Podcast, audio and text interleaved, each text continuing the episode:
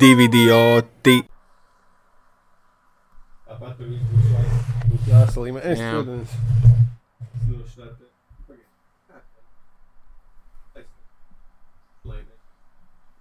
Jā, davai.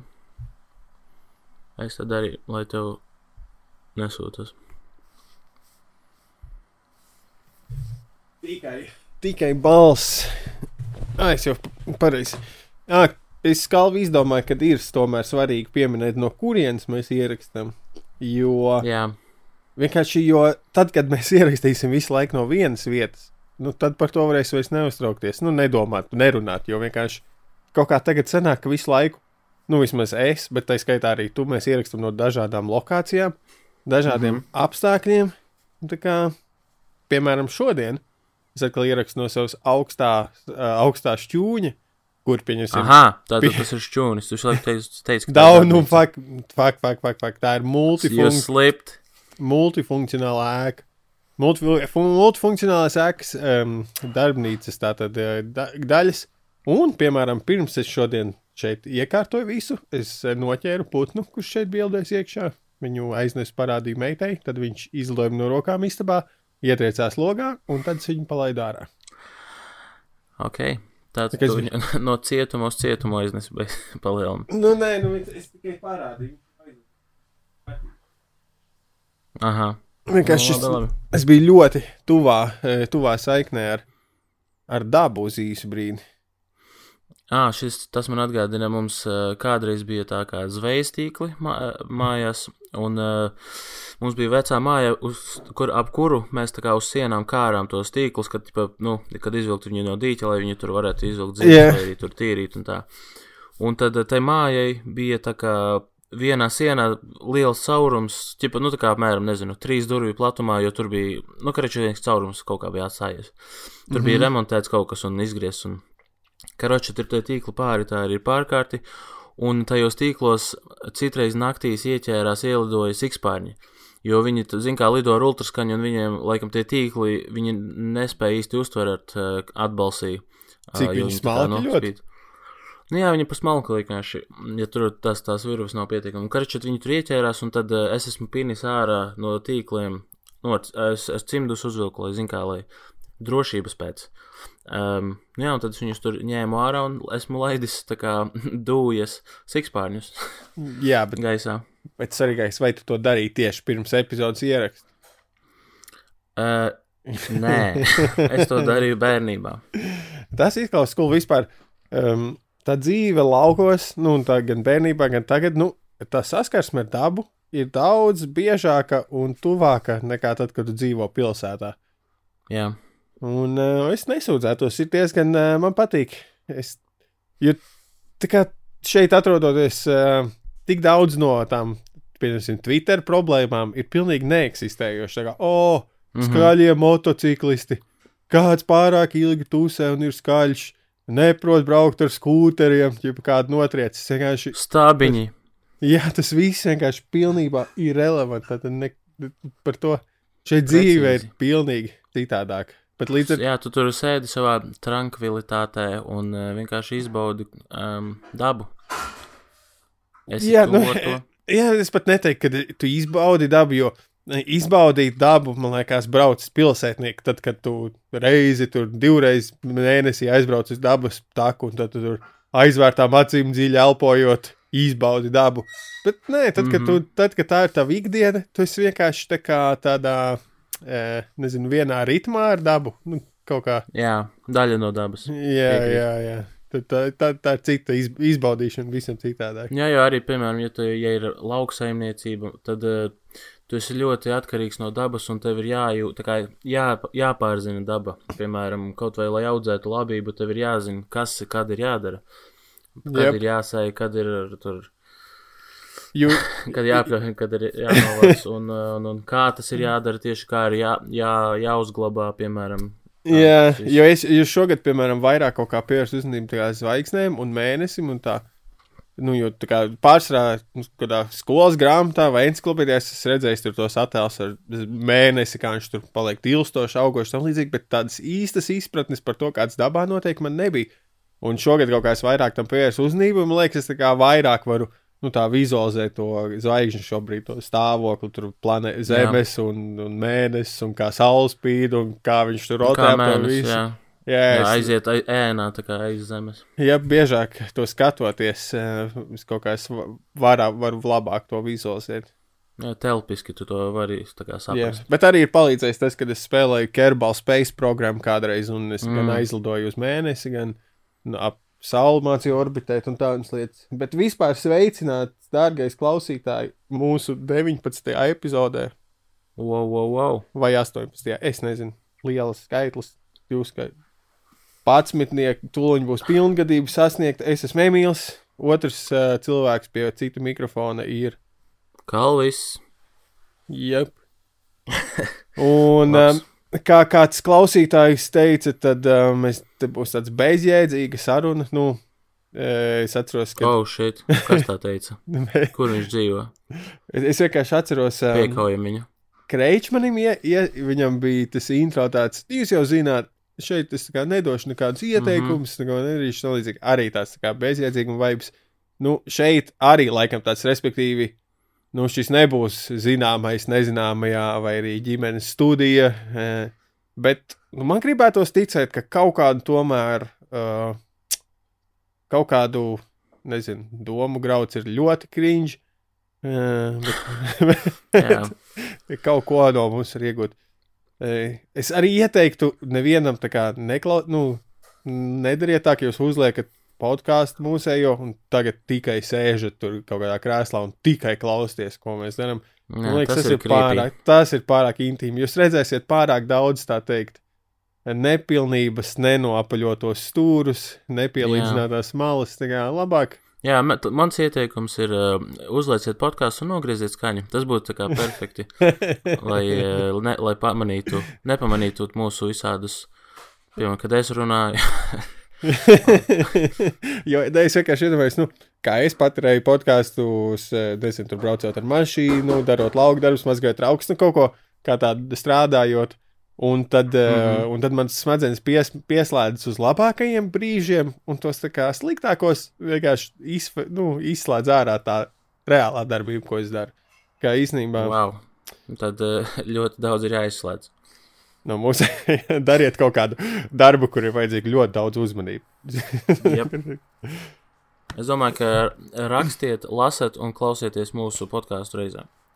Nu, tu lasot, man liekas, ir nereāli. Tur, tie, ja ir kāds cilvēks, kurš spēj lasīt un klausīties uh, podkāstu, kāda tas ir liels respekts.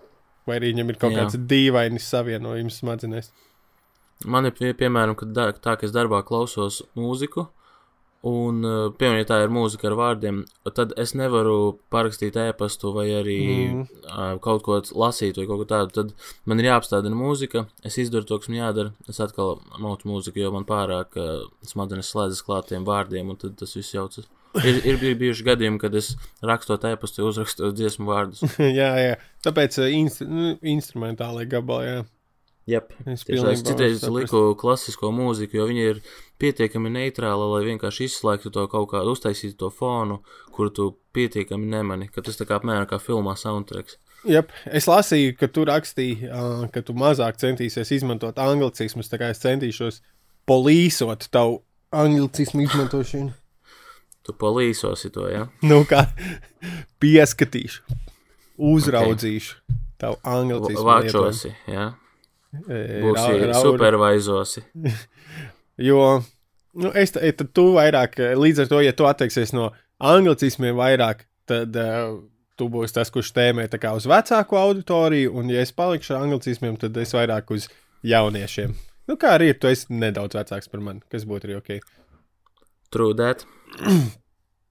Bet tā, man, protams, ir sagatavots kaut kāds, kaut kāds iknedēļas uh, pier... Ah, pareizi, nē, pirms tam jautrie faktiņi kalvi. Tāpēc, kad es izdomāju, Oh. kā jautro faktiņu, e, Klausos. man viņi ir iekrā, iek, iekrājušies. Tātad, es esmu bijis dzīvē, vien, vienreiz es esmu bijis DJs. Tagad, un vispār šitais sanāks nedaudz tā kā, um, uz, ne gluži izbrauciens, uzbrauciens, bet nedaudz nodniecināšana DJ darbu. Jo, manuprāt, nu, tā no malas skatoties, es nekad nebiju bijis DJs, bet man likās, ka kas varētu būt grūts likt cilvēkiem ballītei mūziku. Nu, tāds pieņēmums, tas liekas, ka varētu būt sarežģīti vai viegli. Nu, likt tā tad uh, 60 cilvēku balītai muzonu. Izaicinoši. Tu man prasi? Jā, Um, es, nu, zini, kā, es zinu, ka viņi, tie, tie dīdžeji, tur to dara pietiekami ilgi, lai viņi zinātu kaut ko labāk, kā es varētu vienkārši yeah. pieejot un izdarot. Bet es domāju, ka uz cik ilgu laiku tas būtu jāspēlē? nu, trīs stundas. Es domāju, ka es varētu izvilkt trīs stundas, tā lai nav galīgi slikti. Bet es- es, es, es noteikti, es ticu, ka viņi, viņi dara kaut ko ļoti gan jau, ka tur specifiku tādu, ko mēs nezinām. Tur, piemēram, kā, kāda dziesma, kura dziesma pēc kuras drīkst iet, nedrīkst iet. Drīkst vai nedrīkst? Kas tas ir? Drīkst, mākslā nav nekāda nu, vai nē, es saprotu, protams, bet ir kaut kāda. Nu, ok, es, es saprotu, ja nerakstītie likumi. Bet labi, es pastāstīšu tātad par savu vienīgo karjerā DJ gigu. Es neesmu ne pirms tam, es nebiju uzstājies, ko ne arī kopš tā laika. Ar to vienu uzstāšanās reizi es nopelnīju desmit reizes vairāk kā visā savu komiķu karjerā reizē, ja tie bija 300 Jā. eiro. Un man vienkārši bija pazīstams uh, Džeks, kurš vadīja kāzas, un tātad tur kāzām bija vajadzīgs DJs, kurš spēlētu starp laiku, kad spēlēja grupa. Un es uh, piekrītu, man, es, ne, lai gan es to nekad nebiju dabūj, darījis, es piekrītu. Es tātad uz uh -huh. savu laptopu nokačāju DJ programmu, uh, kuras galvenā funkcija bija vienkārši, kad es varēju viegli nu, uh, iekļūt nākamās uh, ķipa, dziesmas. Un tur bija divi skaņu celiņi, respektīvi, es varēju switchot starp vienu un otru un kaut ko uz priekšu ielikt.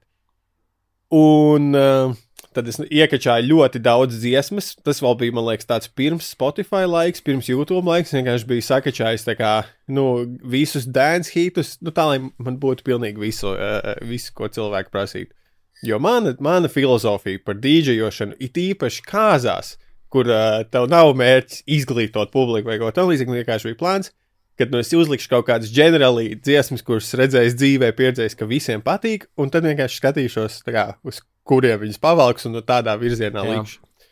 Tādēļ es ierados uz kāzām ar uh, savu laptopu. Eh, Es aizgāju pie grupas, kas stādījās. Man nebija nekādu vadu, nekādas nojausmas, kā vispār tur pieslēdz kaut ko vai tam līdzīgi. Tad tie čūvaki, mm. -hmm. tā grupa bija diezgan, eh, nu, pīsta eh, pre- at mani, un tad viņi iedeva man kaut kādu vadu, un tad viņi man palīdzēja tur pieslēgties un tam līdzīgi, un tad man bija jāliek tā tad background mūzika šitām te. Uh, Pa, pagaidi, kā, nu? no? kādi bija tavs arguments, ka tev nekā nav? Ko kāpēc man? es nezinu, es, man liekas, uh, Tu neteici viņiem, ka šis ir tavs pirmais gigs, un tu neko Jā, jā. nesaproti. Es teicu, ka parasti šito da- daļu izdara tā kā, ķipa, es nezinu, tur bārā vai nu, kaut kas tāds kā skaņu, Ok. okay. skaņu čūvaks. Okay. Tad, nu, tas ir, nu, okay, tas ir ok, tā kā atruna, bet es domāju, ka DJiem ķipa būtu jāzina. jā, jā, jā, es ar tādu domāju. Tas neizskatījās labi. Man. Tad man bija sākumā jāliek tā kā background mūzika vienkārši viesībām, kur es liku kaut kādu, es nezinu, kaut kādu džēza lounge, kaut ko tādu. Man liekas, tas Jā. viss, visa mana mūzika, man liekas, balstījās uz kaut kādām. Uz dzīves pieredzi un stereotipiem redzētiem filmās. Kā liekas, ah, Jā, Nu. klišajām. Tur kaut kāda restorāna aina, tur skan kaut kāds džēzus lounge. Un tad sākās deju laiks, un bija tā, tad spēlēja grupa, tad es, grupa, tad es. Un tad es tieši tā arī biju, kad es vienkārši liku cilvēku dziesmu, ko cilvēki gribēja. Ja kāds rekvestoja kaut ko, es arī baigi par to neapvainojos. Un tā tad mans augstākais punkts manā karjerā ir tāds, ka es spēlēju laikam otro setu. Nu, tā kā tuliņ nāks grupa spēlēt, jau ir diezgan iekars uz balīti. Un es esmu uzlicis Rihannas umbrella. Priekšā dejo mm. bažas ar tādām ieraujušām sievietēm. Ķip nāk grupa kroča stelējās virsū. Un uh, tas uh, viņi kaut ko tur jau tā kā tuliņi sāk spēlēt. Un meitenes priekšā tā kā bļauj. Nē, ļauj, lai DJs uzliek vēl vienu dziesmu. un tie grupa Nice. vienkārši uz mani skatās tā kā, bļā. Mēs tev uzstāvjām vadu, tu faktiski svērdēli. Tieši kaut kāda umbrella. Un, uh, nu jā, tad es dabu saņēmu, nospēlēju toreiz to nakti mūziku, saņēmu 300 eiro. Vieglākā nauda, tas bija tik jautri likt mūziku, tas bija tik easy. Uh, tiešām, es nezinu, būt Cik DJiem, tev gadu bija? nezinu, kad 21, 20, kaut kas tāds. Maz. Okay. Bet, eh, nu jā, tā tad man šķīta, ka likt mūziku ir tik viegli, jo it īpaši, jo varbūt tāpēc, kad man bija tas mērķis, vienkārši nebija, nekāda, nebija nekāds plāns, oh, es viņiem ielikšu, tur iemācīšu labu mūziku, vai kas man šķiet labs. Es tā tikai ņēmu vidējo vaibu, vidējo mm -hmm. klausītāju, kā tur bija, uh, man liekas, kāzām. Es biju perfektais risinājums. Jums kādreiz vajag vēl DJ kāzām, varbūt varam ko sarunāt. Jā, man patīk, kā tu teici, o, mans karjeras augstākais punkts. Reāli to karjeru bija tas viens gigs. Un tā kā tas, eh, jā, tev karjera sākās sūdīgi. Un ar to, ar tiem vadiem. Un tad karjeras Ah. tīks bija vienkārši pusotru stundu iekšā pasākumā. nu, es teiktu, nedaudz vairāk, bet jā, tas viss man karjerā bija vien, viens. Es, tur, es vienkārši ieda- baigi skumji bija tas, ka es sapratu, ka es ar dīdžiošanu to vienu reizi nopelnīju vairāk kā vis, visā savā, cik tur trīs gadi stand-upā. Nu, tas, tas ir stand-ups. That's show business. ja, tu, vari, tu vari paņemt vai nu trīs, uz savu pasākumu, vai nu vienu dīdžeju, vai 30 stand-uperus. Okay. Tas, tā, bagad, tā nevar teikt. Tas, tas, tas bija tajā līmenī. jā. nu, Jā, jā, jā. 30 eiro par pasākumu tas ir. Uh, Jā, ga- Kur, kurie gadi? Kaut kādi, nu, pirmajos gados kaut kādos, nezinu, varētu, jā, varēja tā kaut kā bija. Likās, wow, eitu nost, es runāju stundu un dabūju 30 eiro. Es, man liekas, būšu miljonārs kaut kad pēc, pēc deviņām dzīvēm. Jā, nu tā, bet, nu, baigi grūti, laikam. Zin, kā, es domāju, kā var izsisties, tā kā pa, vienkārši, dī, kāds ir dīdžeju, tā kā, ja es gribētu kļūt, spēlēt dīdžejot klubos, kāds būtu tas mans karjeras kāpnes. Jo, nu, šitais bija kā pilnīgi izrauts no konteksta ārpus manas dzīves dīdžejošanas. Um, nu, man liekas, ja tu pats uh, sāc producēt, ne? mm. Pareizi, a kā vispār ir dīdžiem ar licencēm? Ja es nokačāju, ja esmu, man ir Spotify prēmijum, es varu iet visur spēlēt, kur gribu vienkārši. Uh, es nezinu, kādi, kādi, vai ir vispār noteikumi par to, un kādi tie ir uh, tieši par Spotify. Nu, re, kur mēs, ne, mēs nevaram šeit at, atskaņot jau kādu mūzonu, ko mēs gribam, jo tad, nezinu, tur būs kaut kāds copyright claims vai kaut kas tamlīdzīgs. Um, ā, nu jā, jo dīdžiem taču ir, uh, var, varbūt viņi ir kaut kāda pērklīte. Es pat nezinu, kā ir. Kā, tas noteikti kaut kur ir informācija, un šis, šis ir vienkārši atbilde, bet viņam, man liekas, pērk licenci, lai varētu izmantot pa lielam jebkuru dziesmu. Nē, tā nav. Nu, Kaut kas ir. tamlīdzīgs varētu būt. Bet, nu, nekas, ja jūs ar mani izvēlaties sadarboties, eh, mēs šo varēsim. Par licenci jums nebūs jāmaksā. Nu, Ok. Uh, kurš šur būs? Edit. Tas būtu tik rēcīgi, ka, ja domāsiet, dī, manā DJ sludinājumā būtu tā kā, nu, tur maksāja 300 eiro plus licenci jāmaksā atsevišķi. Citādi varēšu atskaņot, atskaņot tikai copyright free muzonu. Vai arī, Jā. vai arī visas dziesmas ķipa, nedaudz pātrināti vai palēnināti, lai, lai Vai arī robots ar ūdenszīmi.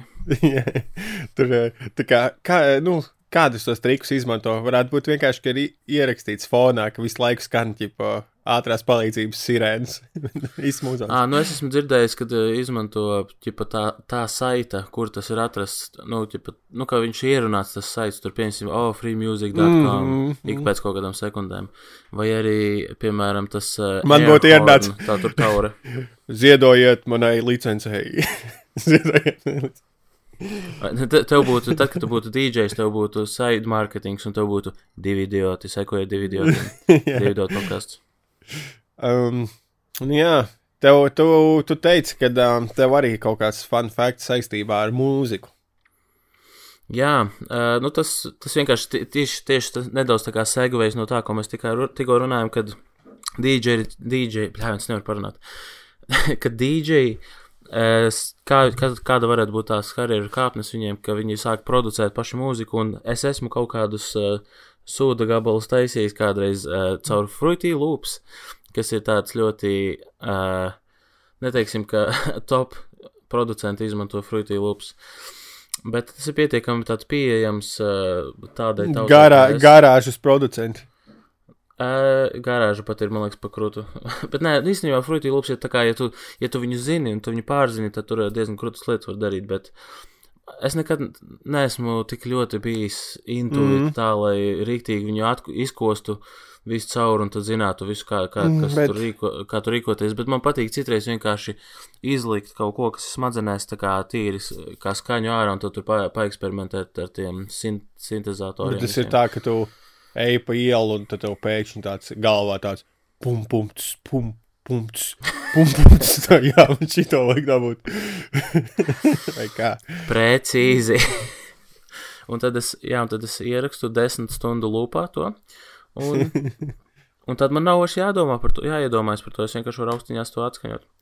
Nē, bet citreiz vienkārši ie- atveru tā kā bez kaut kāda plāna Mm. to FL studio un, uh, un vienkārši tur fakarojos around, vienkārši spaidu po pogas un tad kaut kas šā- šādi tad iznāk vienkārši ka- kaut pēc, pēc, pēc gara stāvokļa, jo citreiz mm. kaut kas tāds.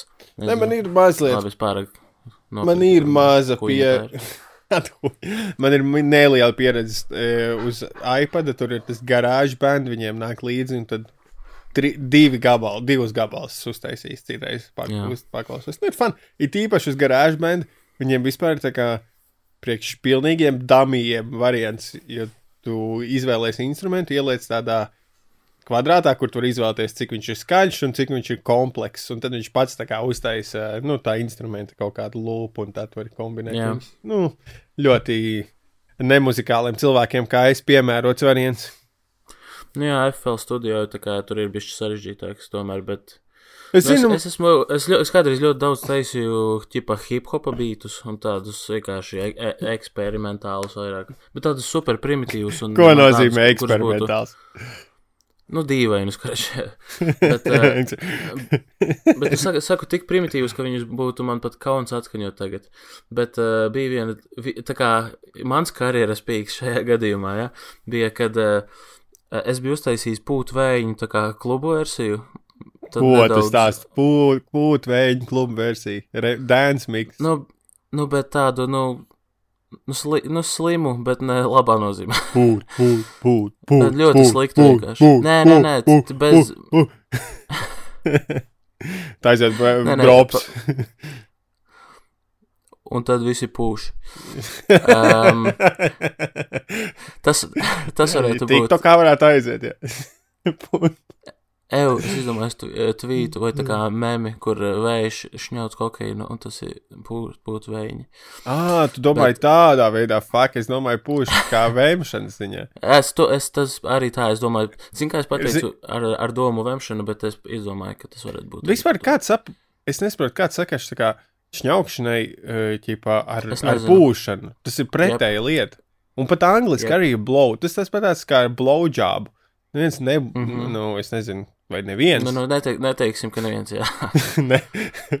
Es personīgi. Pūša, pūšanas tehniku, es nezinu. Jā. Bet, uh, pa ko mēs runājam? Par vēņi. to, kā- tā, kad es to dziesmu uztaisīju, un bija kaut kāda disene, un man klases biedrs bija tipa DJs, Jā, un, uh, un viņš uzlika to dziesmu, un, un viņam bija projektors, eh, tipa uz, uz projektora rādīja tas, kad, kad viņam uz ekrāna. jā. Viņš atvēra vārdu, un tur uzrakstīja, šo dziesmu ir uztaisījis. Kāpēc? Kāpēc? un, un es domāju, blēd, tu idiots. Kāpēc viņš to tik- teica? Bet, uh, nu, viņš tāpēc, ka ir idiots, nu. Okay. Un uh, tas bija vienkārši baigs stulbi, bet cilvēki dejoja, es nezinu, izskatījās, ka viņi. Izskatījās, zini, kā pa... es esmu pateicīgs tam faktam, ka viņi neko nesaprot no mūzikas. Tas šķīst ir augstākais punkts. To mēs arī liksim Patreonā kādreiz. Uh, zini, kā to var būt, bet viņa, es saku, brīdini, viņa ir ļoti, ļoti.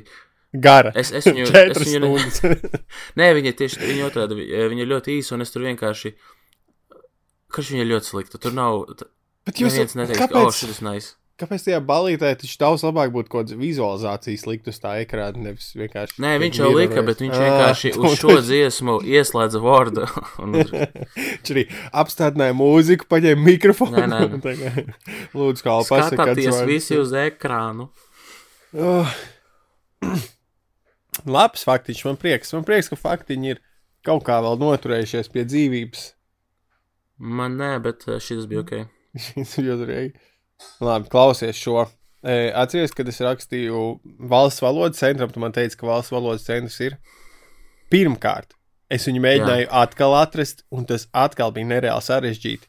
Jo tā tad rakstot VVC, vienkārši nerādās, kas ir maksimāli stulbi, jo es iztestēju ka tāda situācija, kad, nu, jau parasti būtu, ja tu ieraksti VVC un kaut kur vārdā ir VVC, nu, viņš to piedāvā kādu variantu. Mm -hmm. Bet tas, ka viņiem ir tā, tā apakšvīde pirms VVC, viņi vienkārši kaut kādā veidā overraido to search engine, un viņš kā vispār ir pazudis no search. Viņu var atrast tikai uzrakstot precīzi.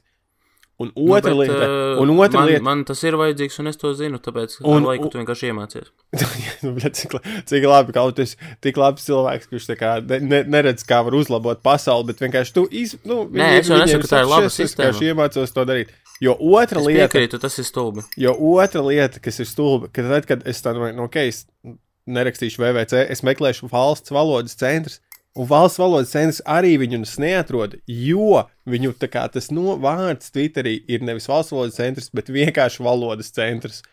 Un tāpēc, bļā, rakstot Latvijas valsts valodas centrs, Ok. okay. viņu neatrod. Un tas ir tik debīli. Es to Un iedomājies, kam ir problēmas ar valodu? Valsts valodas centram. Jā, un viņi, ne, un, nu, viņi neatbildēja uz manu uh, tēgu par to. Tā kā varbūt tev ir jā, Kāds bija tev? Nu, es ietegoju, kā, vai jūs lūdzu varētu palīdzēt iztulkot šo anglicismu. Trigger warning, gore. Ā, pareizi. Un, jā. varbūt tev lielāks Atceros. klauds ir internetā, ja tu vari kalvi iet, ietegot viņus ar šo jautājumu. Es būtu ļoti Es pateicīgs. tev varu retvītot to tvītu, tas kaut ko dos. Es nezinu, man vajag, lai Es zinu, kā kvotu retvīt. Nu, kaut ko izdomā.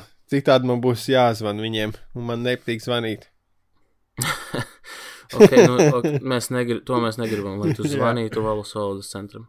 Es biju Ja nu Zoli- vienīgi tu varētu nu. ierakstīt to sarunu. O, oh, fuck. Aiztrīkstētu? Man liekas, ka Vispār, man liekas, ka, varētu, ne, man liekas, ka nedrīkst. Es vismaz zinu, ka Amerikā ja tā saka, ka, nu, ja kaut kur kāds grib ierakstīt, tad saka, oh, you, it's illegal. Bet man liekas, kāda ir Latvijā. Man liekas, ka viņi jau ieraksta, un tu drīksti kaut ja būs vajadzība, tu varēsi ķipa pieprasīt Ā. to ierakstu. Nu, Es, eh, man liekas, tev jābrīdina sākumā. Tā, kad tu ieraksti, jā. Vai es pamēģināšu nākamreiz, jebkuru cilvēku, kuram es zvanīšu random, es, vai viņš man zvanīs, es teikšu, ka "Ē, klausies, tev ierakstīšu, jā. Liekas, tas ir Ah, jā, Liek, Un, ē, justies dīvaini. Nu? Man, man bija, nē, nē, tas nav tik svarīgi. Vienkārši man bija iepriekšējiem telefonam, es nopakačāju tieši aplikāciju, kur uh, sarunas laikā tev rādās mikro, nu, mikrofoniņš, un tu viņu uzspied, un tev au, automātiski ierakstās. Un uh, es pāris reizes pamēģināju, un tā kā skaņai baigi labi, nu, ķipā, tieši izklausās Jā. pēc sarunas, ko varētu, jā, to varētu izmantot. Ir tāds Ok, okay, aplikācijas, ok. okay. Tev patīk zvanīt telefoniem vispār? M- Mēs Nē, varētu, mēs varētu prankolot kādreiz, jo uh, man pašam nereāli nepatīk Eju, bet, prank. uh, zini ko? Es tikko izdomāju. Nu. Ir tik dīvaini sazvanīties, mums ļoti nepatīk, bet mēs tagad esam gatavi divas stundas runāt. Ah, jā, šis, bet šis nav zvans. Es sēžu ar Nu, tādu austiņā. bet tas Ok, okay, ir bet dīvaini. Tas, jā, vienkārši tā, tā ierakstīšana un ielikšana internetā kaut ko baigi uzreiz. Nu, nē, bet. Nu, tāpēc te ir, cita, ir pilnīgi cits konteksts. Nav jau tā, ka es, tad, kad, tad, kad es zvadīšu vidu locekli, kā piesot vidām, saku, ah, sveicināt, podkāstā divi idioti.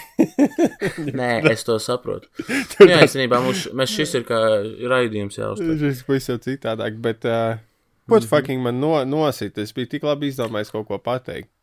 O, es atvainojos. Par uh, ierakstīšanu, ah, tātad par prankoliem. Es nezinu, man nepati, es bērnībā netaisīju prankols, man bija bail, bet es vienkārši. Uh, un tātad 100 tonnas arī taisīja kaut prankols, bet man liekas, viņiem varbūt bija, bija rēcīgi, bija ok. Varbūt bija ne, izvēlēts pārāk basic tēmas, jo tas, kā, pieņemsim, es kaut kādos citos uh, ir tāds viens prankolu podkāsts, un viņi izdomā, viņš tas džeks izdomā vienmēr tādus. Uh, nu, ļoti nestandarta, bet arī kā tos prīkols. Respektīvi, tas viņa prīkols būtu tāds, eh, piemēram, o, sveicināti, mēs eh, te zvanu no ķipa, ciema pilsētas domas, mēs rīt ieradīsimies un pacelsim jūsu māju. Ķip augšā, un nu, mums ir jānomaina pilsētai trūkumas. Jā, ok, nu, mēs vienkārši paziņojam to. Un tas ir viss, viņš ir tā kā nekaitīgs, bet tas cilvēks uzreiz kā, oh, fuck, rīt brauks viens, kāds sakars. Pil bet tāpat laikā, ja pa pilsētas doma, nu, tur tas viss setups ir. Kroč, man liekas, ka prankalot ar kaut kādu interesantāku setupu varētu pat būt fun. Bet tas, ko mēs darījām bērnībā, eh, nu, vai citi cilvēki, tas ir lēmums. Es nezinu, ko es pār bērnībā darīju. Kā bērnībā prankaloju? Vot, es zinu, ka es, es to esmu darījis. Es esmu zvanījis uz random numuriem, bet ko es teicu, es neatceros. Tas noteikti nebija nekas baigi ļoti eh, kvalitatīvs, bet eh, kaut kādu vai jums leduskapis iet? Jā, nu tad ejiet, Jā. noķerat. Es varbūt, es godīgi sakot, es esmu uh, taisījis to te, kā tas ir, DoorDash, latviski um, uh, pie, piezvani pie durvīm un mūc. Zvani un mūc. Zvani un mūc, jā. Bet, uh, nu, tas tikai tā, es ieskicēju, vienkārši, zin kā, nu, mums jau nav nekādas problēmas tik galā ar tām otrās, otro daļu tēmām, kuras pļā aizmirst pie, pieminēt. Uh, vienkārši nākotnē varam par to padomāt. Bet tā tad otrās daļas tēma, kas būs vēl pēc kāda laiciņa, ir, man ir grāmata, es paņēmu no laukiem citiem, tūkstots neizskaidrojami fenomeni. Un tad mēs iečakosim pāris tos fenomenus un varbūt Mhm. kaut kā novērtēsim viņus, eh, nezinu, cik viņi ir izskaidrojami vai neizskaidrojami. Nu, kaut kādu skalu izdomāsim, lai būtu papildus tam vērtība. Un tas tā, Jā. jā. Mhm. Es biju zooloģiskajā dārzā, un man jāizveda pie hameleoniem. Es tev sūtīju fotogrāfiju, ja tu atceries. Es Jā. te sūtīju fotogrāfiju Kalvim, ar teiktu, tev šī tāda vajag. Un viņš teica, nē, jo viņi interesē tikai eži. eh, Bet režiem tur nebija uh -huh. ko nofočēt. Bet tad, vienkārši skatoties hameleoniem, es sapratu, ka viņi ir. Viņiem nav, pa, citi parasti, nu, vismaz man tā liekas, dzīvniekiem ir tāds, nu, kaut kāds viens ļoti raksturīgs features. Nu, ja tas ir dīvains, piemēram, tur O, skudru lācim, tur ir garš snuķis un gara kā Tas viņa jocīgais features, un pārējais, nu, plus mīnus normāls.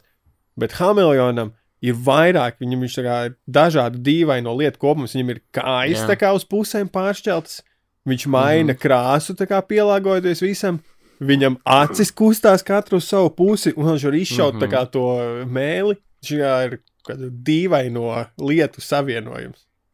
Jā, tas ir kaut kas ļo, ļoti unikāls tāds radījums. Jā, jo- bet es domāju, ka tas prikals, ka katra uz savu pusi kustās. Es nesaprotu, kāpēc tas nav vairāk dzīvniekiem. Liekas, diezgan labs features. Uh, nu, tas man šķiet ir atkarīgs no. Piemēram, viņš sēž zarā, un viņam ir jāskatās uz apkārt, kur lido, piemēram, kukaiņi, un viņš tos arī ķer. Bet, ja tu, piemēram, esi, es nezinu, zirgs, jā, tad tev, kā tev jau vajag kaut kādu vienu virzienu, vai, nu, tā kā skatīties vairāk uz priekšu vienā virzienā. Un, uh, Tad nezinu, varbūt tev vajag vienot. Vienu milzīgu aci. Nē, bet, laikam, bet man liekas, loģiski, ka nav dzīvnieki ar vienu aci. Jo vienkārši kā tas pazaudēt vienu aci un to paliek Dzi- otra ir pārāk dziļums, izdevīgi. Jā, dziļumu tu pazaudē, Ā, tu, tu momentā ne, nespēji izdzīvot. Okay. Bet īstenībā, jā, ka, vai kāpēc? Hmm. Nu, vienu nu jā, saprotu. tā, nē, es izdomāju, tāpēc, ka, nu, piemēram, kāpēc mums nav tā kā uh, kukaiņiem tās mozaīku acis, ķipas, nu, kad, Jā. kur, daudz mazu aciņu, ķipa.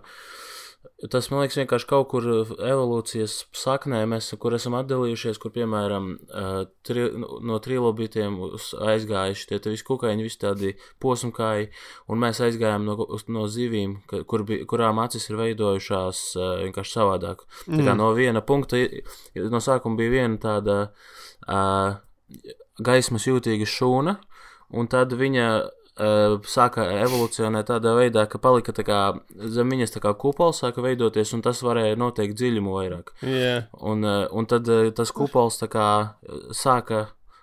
Kā lai pasaka, karš, galvā iekšā es, es ieauga. gribu teikt, ka šo jau mēs visi esam mācījušies bioloģijā. Ok, Tā ir? es vienkārši saprotu, ka tu tā kā. Es, tu, no. Es, sapr, es, es pārāk Es, es, es klausījos to, ko tu stāsti, un man izklausījās, ka tu mēģini aprakstīt kaut kādu ļoti sarežģītu attēlu no encyklopēdijas. Vienkārši, nu, kur ir grūti uztvert uh, bez, Ok. bez schēmas. Tev tā neliekas? Nē, es nezinu. nu, var- Taken. Nē, nē, mocam tālāk. Nav svarīgi, ko es gribēju pastāstīt. Nē, nu, vai nē, nē, Nē, nē, nē, nē, nē vai runājam par tavām. nē, nē, pēc. Jā, bet tu teici, ka šoreiz es kaut ko pierakstīju. Es esmu pierakstījis. Davai, Mēs jau runājam par uh, tavām. Davai. Kas man šeit ir? Tātad, man ir jautājums, Emīl, kuru filmu tu varētu citēt visvairāk? Uh, nu, blē, viens taviem jautājumiem reāli jāsagatavojas. Ir. Nē, nu, bet nav tā, ka tu vienkārši dzīvē esi pamanījis tādu uh, filmu, piemēram, kas. Um, Nē, Nu, droši vien šito limuzīnas neaņķis krāsās. Bum, man ir tieši tāda pati atbilde. Limuzīns jāņunaks krāsā. Krāsā. Oh, shit. Jā, jo es teiktu, nezinu, nos, tu nezini nosaukumu. man tās, frā... man tās frāzes vairāk asociējās ar, uh, tad, kad improvizācijā ir tāda aina lapiņas, kur tā prasa dažādus ieteikumus, un tur mm. -hmm. bieži vien prasījām frāzes no, frāzes no filmām, un tad vienkārši ir tāda vācelīte ar vispopulārākajiem, kā I will be back, kas man liekas rīktīgi grūti, kad ir kaut kādi. Es nedomāju, ka viņiem tas I will be back uh, visā pasaulē ir tik populārs kā kaut kādā Latvijā. Jo, man liekas, eh, Latvijā ap to laiku, kad iznāca Terminators, tad bija nu, diezgan limitēts daudzums ar filmām, pie kurām varēja tikt vispār. Un vienkārši gadījās, ka tas mm. -hmm. ir kaut kādā tieši tajā laikā, kad varēja iznākt, tāpēc iegūt lielu popularitāti. Bet tā tad, jā, vēl Nē, trīs. nu, bet Terminators jau tāpat uh, arī Amerikā bija populārs. Nav tā, ka tā bija random filma, kas Latvijā kļuva populāra. Jā, nu, ok, jā, varbūt īstenībā tas ir kultūrāli lielāks e, vispasaulē. Albija Bek jau taču arī Amerikā zina visi. Ai.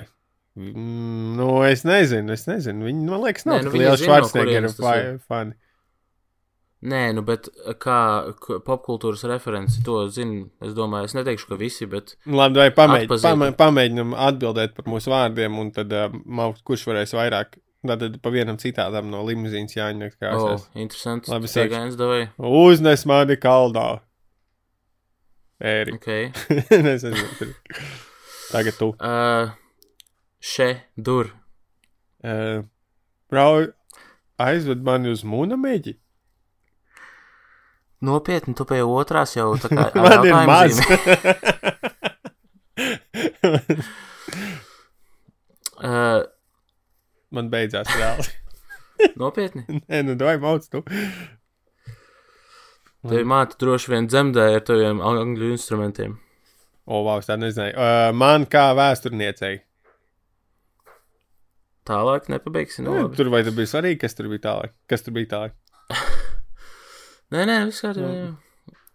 Um, tā. Ērik, tu taču esi nodzinis ūsas. Liekas, ka tu vienkārši zini ķipa visus tekstu filmē. Palielam, jā. Jā? jā.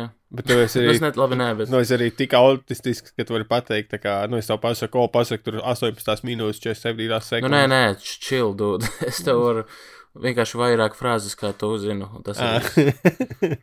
Nē, vēl kādu. Es, um, man beidzās reāli. Nu, man pārāk ilgi jādomā, lai es uh, varētu pateikt uzreiz. Reāli zinu tikai trīs tādā gadījumā, kas ir ļoti okay. Ok. nožēlojami. Un tas ir viss citā tā jāmākā filma tev, jā. Jā, Ok, nu ir viens, kas man patīk, kas ir, eh, kad uh, Olita iet ar vīru savu ķipa pie galda, un tad viņa baksta viņam kreklu, lai tā kā sakārtojas pie galda, un viņa bāž viņam to kreklu biksēs, un tas čalis tā uzsit roku un saka, vokarā, mīļā, vokarā. bāc. Es, es nākamreiz skatoties, man liekas, pievērsīšanos vairāk uzmanību ekrānam. Jo... Zini, kā ir katru reizi, kad es viņu skatos, esmu daudzreiz viņu redzējis, un katru reizi, kad es skatos, es kaut ko jaunu pamanu. Tā ir ļoti labi. Nu, es, arī, es arī esmu daudz viņu, rez, viņu redzējis, un es arī piekrītu, ka tā varētu būt latviešu labākā filma. Bet, Uh, Emīl, vai tu viņu esi daudz redzējis, vai tu esi viņu daudz skatījies? wow, Jo nu, redzēt ir kaut kas cits. Nu, nu, tieši tā, es viņu daudz. Re, tad, kad viņa ir, No ka, katru gadu es viņu arī paskatos. mm -hmm. Bet uh, Nu, es jau arī kā ārpus Jāņa laika neskatos. Vēl tur- Skatos vienmēr. vēl tur topā pie re, filmām, kuras es esmu daudz redzējis, ir uh, Rockies. Un, nu, pirmā Jā, Jā. un ceturtā daļa varbūt vairāk nekā pārējās, jo kaut kā viņi katru gadu rāda, un es katru gadu es iesācu skatīties, un man tāda, nu, viņai tāds feel good vibes. Man patīk arī tas mm -hmm. stāsts aiz uh, Rockija pirmā tapšanas, nu, kas Ilves tur tur uzrakstīja viņu un viss tas uh, Jā. stāsts. Tad noteikti, Viņš, ķipā, cik es atceros, viņš esot bijis uz kaut kādu boxa cīņu un aizgājis mājās un uzrakstījis. Nu, jā, nu, jā. ne, ne jau vienā dienā gluži, bet. Tad to scenāriju gribēja no viņa nopirkt, tur piedāvāja 150 tūkstoši vai ko, un tad, ja viņš teica, ka nē, viņš pārdos tikai tad, ja viņš, eh, nu, ķipa piekritīs tikai tad, ja viņš varēs filmēties tajā, tajā tēlā, un tad viņam beigās piekrita. Mm. Mm -hmm. Un tad bija great success. Dabūja Oskaru, man liekas. Yes, very nice. Nu, vēl um, no daudz reizēm. Viss, viss ir kaut kādas, kuras, nu, tās no daudz, kuras ir redzētas. Jo, protams, ir kaut kas, ko es izvēlos atkārtot skatīties. Bet, uh, nu, to, ko televizorā rāda Titaniku, es parasti skatos, jo viņi rāda Valentīna dienā.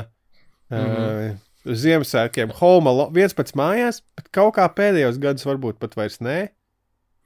Mhm. Es atceros, es biju noskatījies ļoti daudzas reizes pirmo un otro viens pats mājās, un tad kāds bija paņēmis, ah, nē, tas nebija no nomas, bet uh, pa televizoru es skatījos programmā, tad vēl skatījās cilvēki f- fiziskajā avīzē programmā, es ieraudzīju viens pats mājās trīs, un es nezināju, ka, nu, ka ir vairāk vēl. Ah, Un es gandrīz apdirsos. Es domāju, ko, jo man tik ļoti patika tās filmas. Un it īpaši otrā daļa, jo tur bija daudz to tipu prikolu tajā mājā, mm. kur viņš sataisies lazdus. Un es visu laiku, es tinu atpakaļ. Es zinu, kā es, es vairākas reizes izdarīju tā, ka es uh, noskatījos visu tur to slazdu daļu, es Un- tinu atpakaļ un skatījos vēlreiz. tieši slāznis. Un vēl, Jā. un ja vēl tieši iepauzēju kadrus uz tā kā, kā sāpēs kliedz tie aktieri.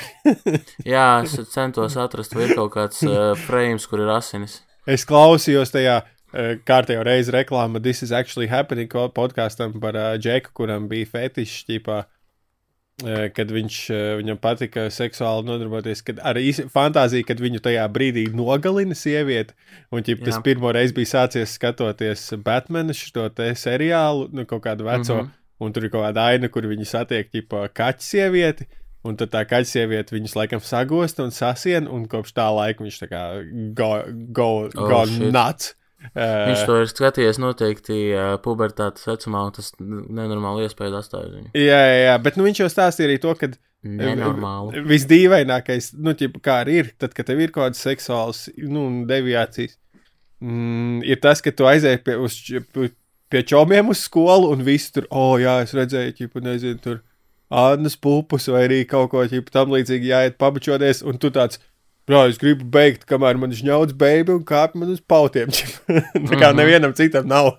tā kā tas nav, neviens, uh, kurš, ar kuru relētoties tajā savā šēlē. Mm Mm -hmm. Jā, beigās viņš bija arī Jā. nomiris. Tur, protams, uh, apmierinot sevi ar šo nāves, miršanas fantāziju seksa laikā. Tad visiem Jā. iesaka, this is actually happening. Stāsts tur ir priekš katra, ko atrast. Viņš ir noteikti arī šo te autoerotikas fiksēšanu mēģināja, ne? Ar uh, kaut kādu jostu vai kā viņi to dara parasti. Es viņam kaut kas ar elektrību tur patika vēl.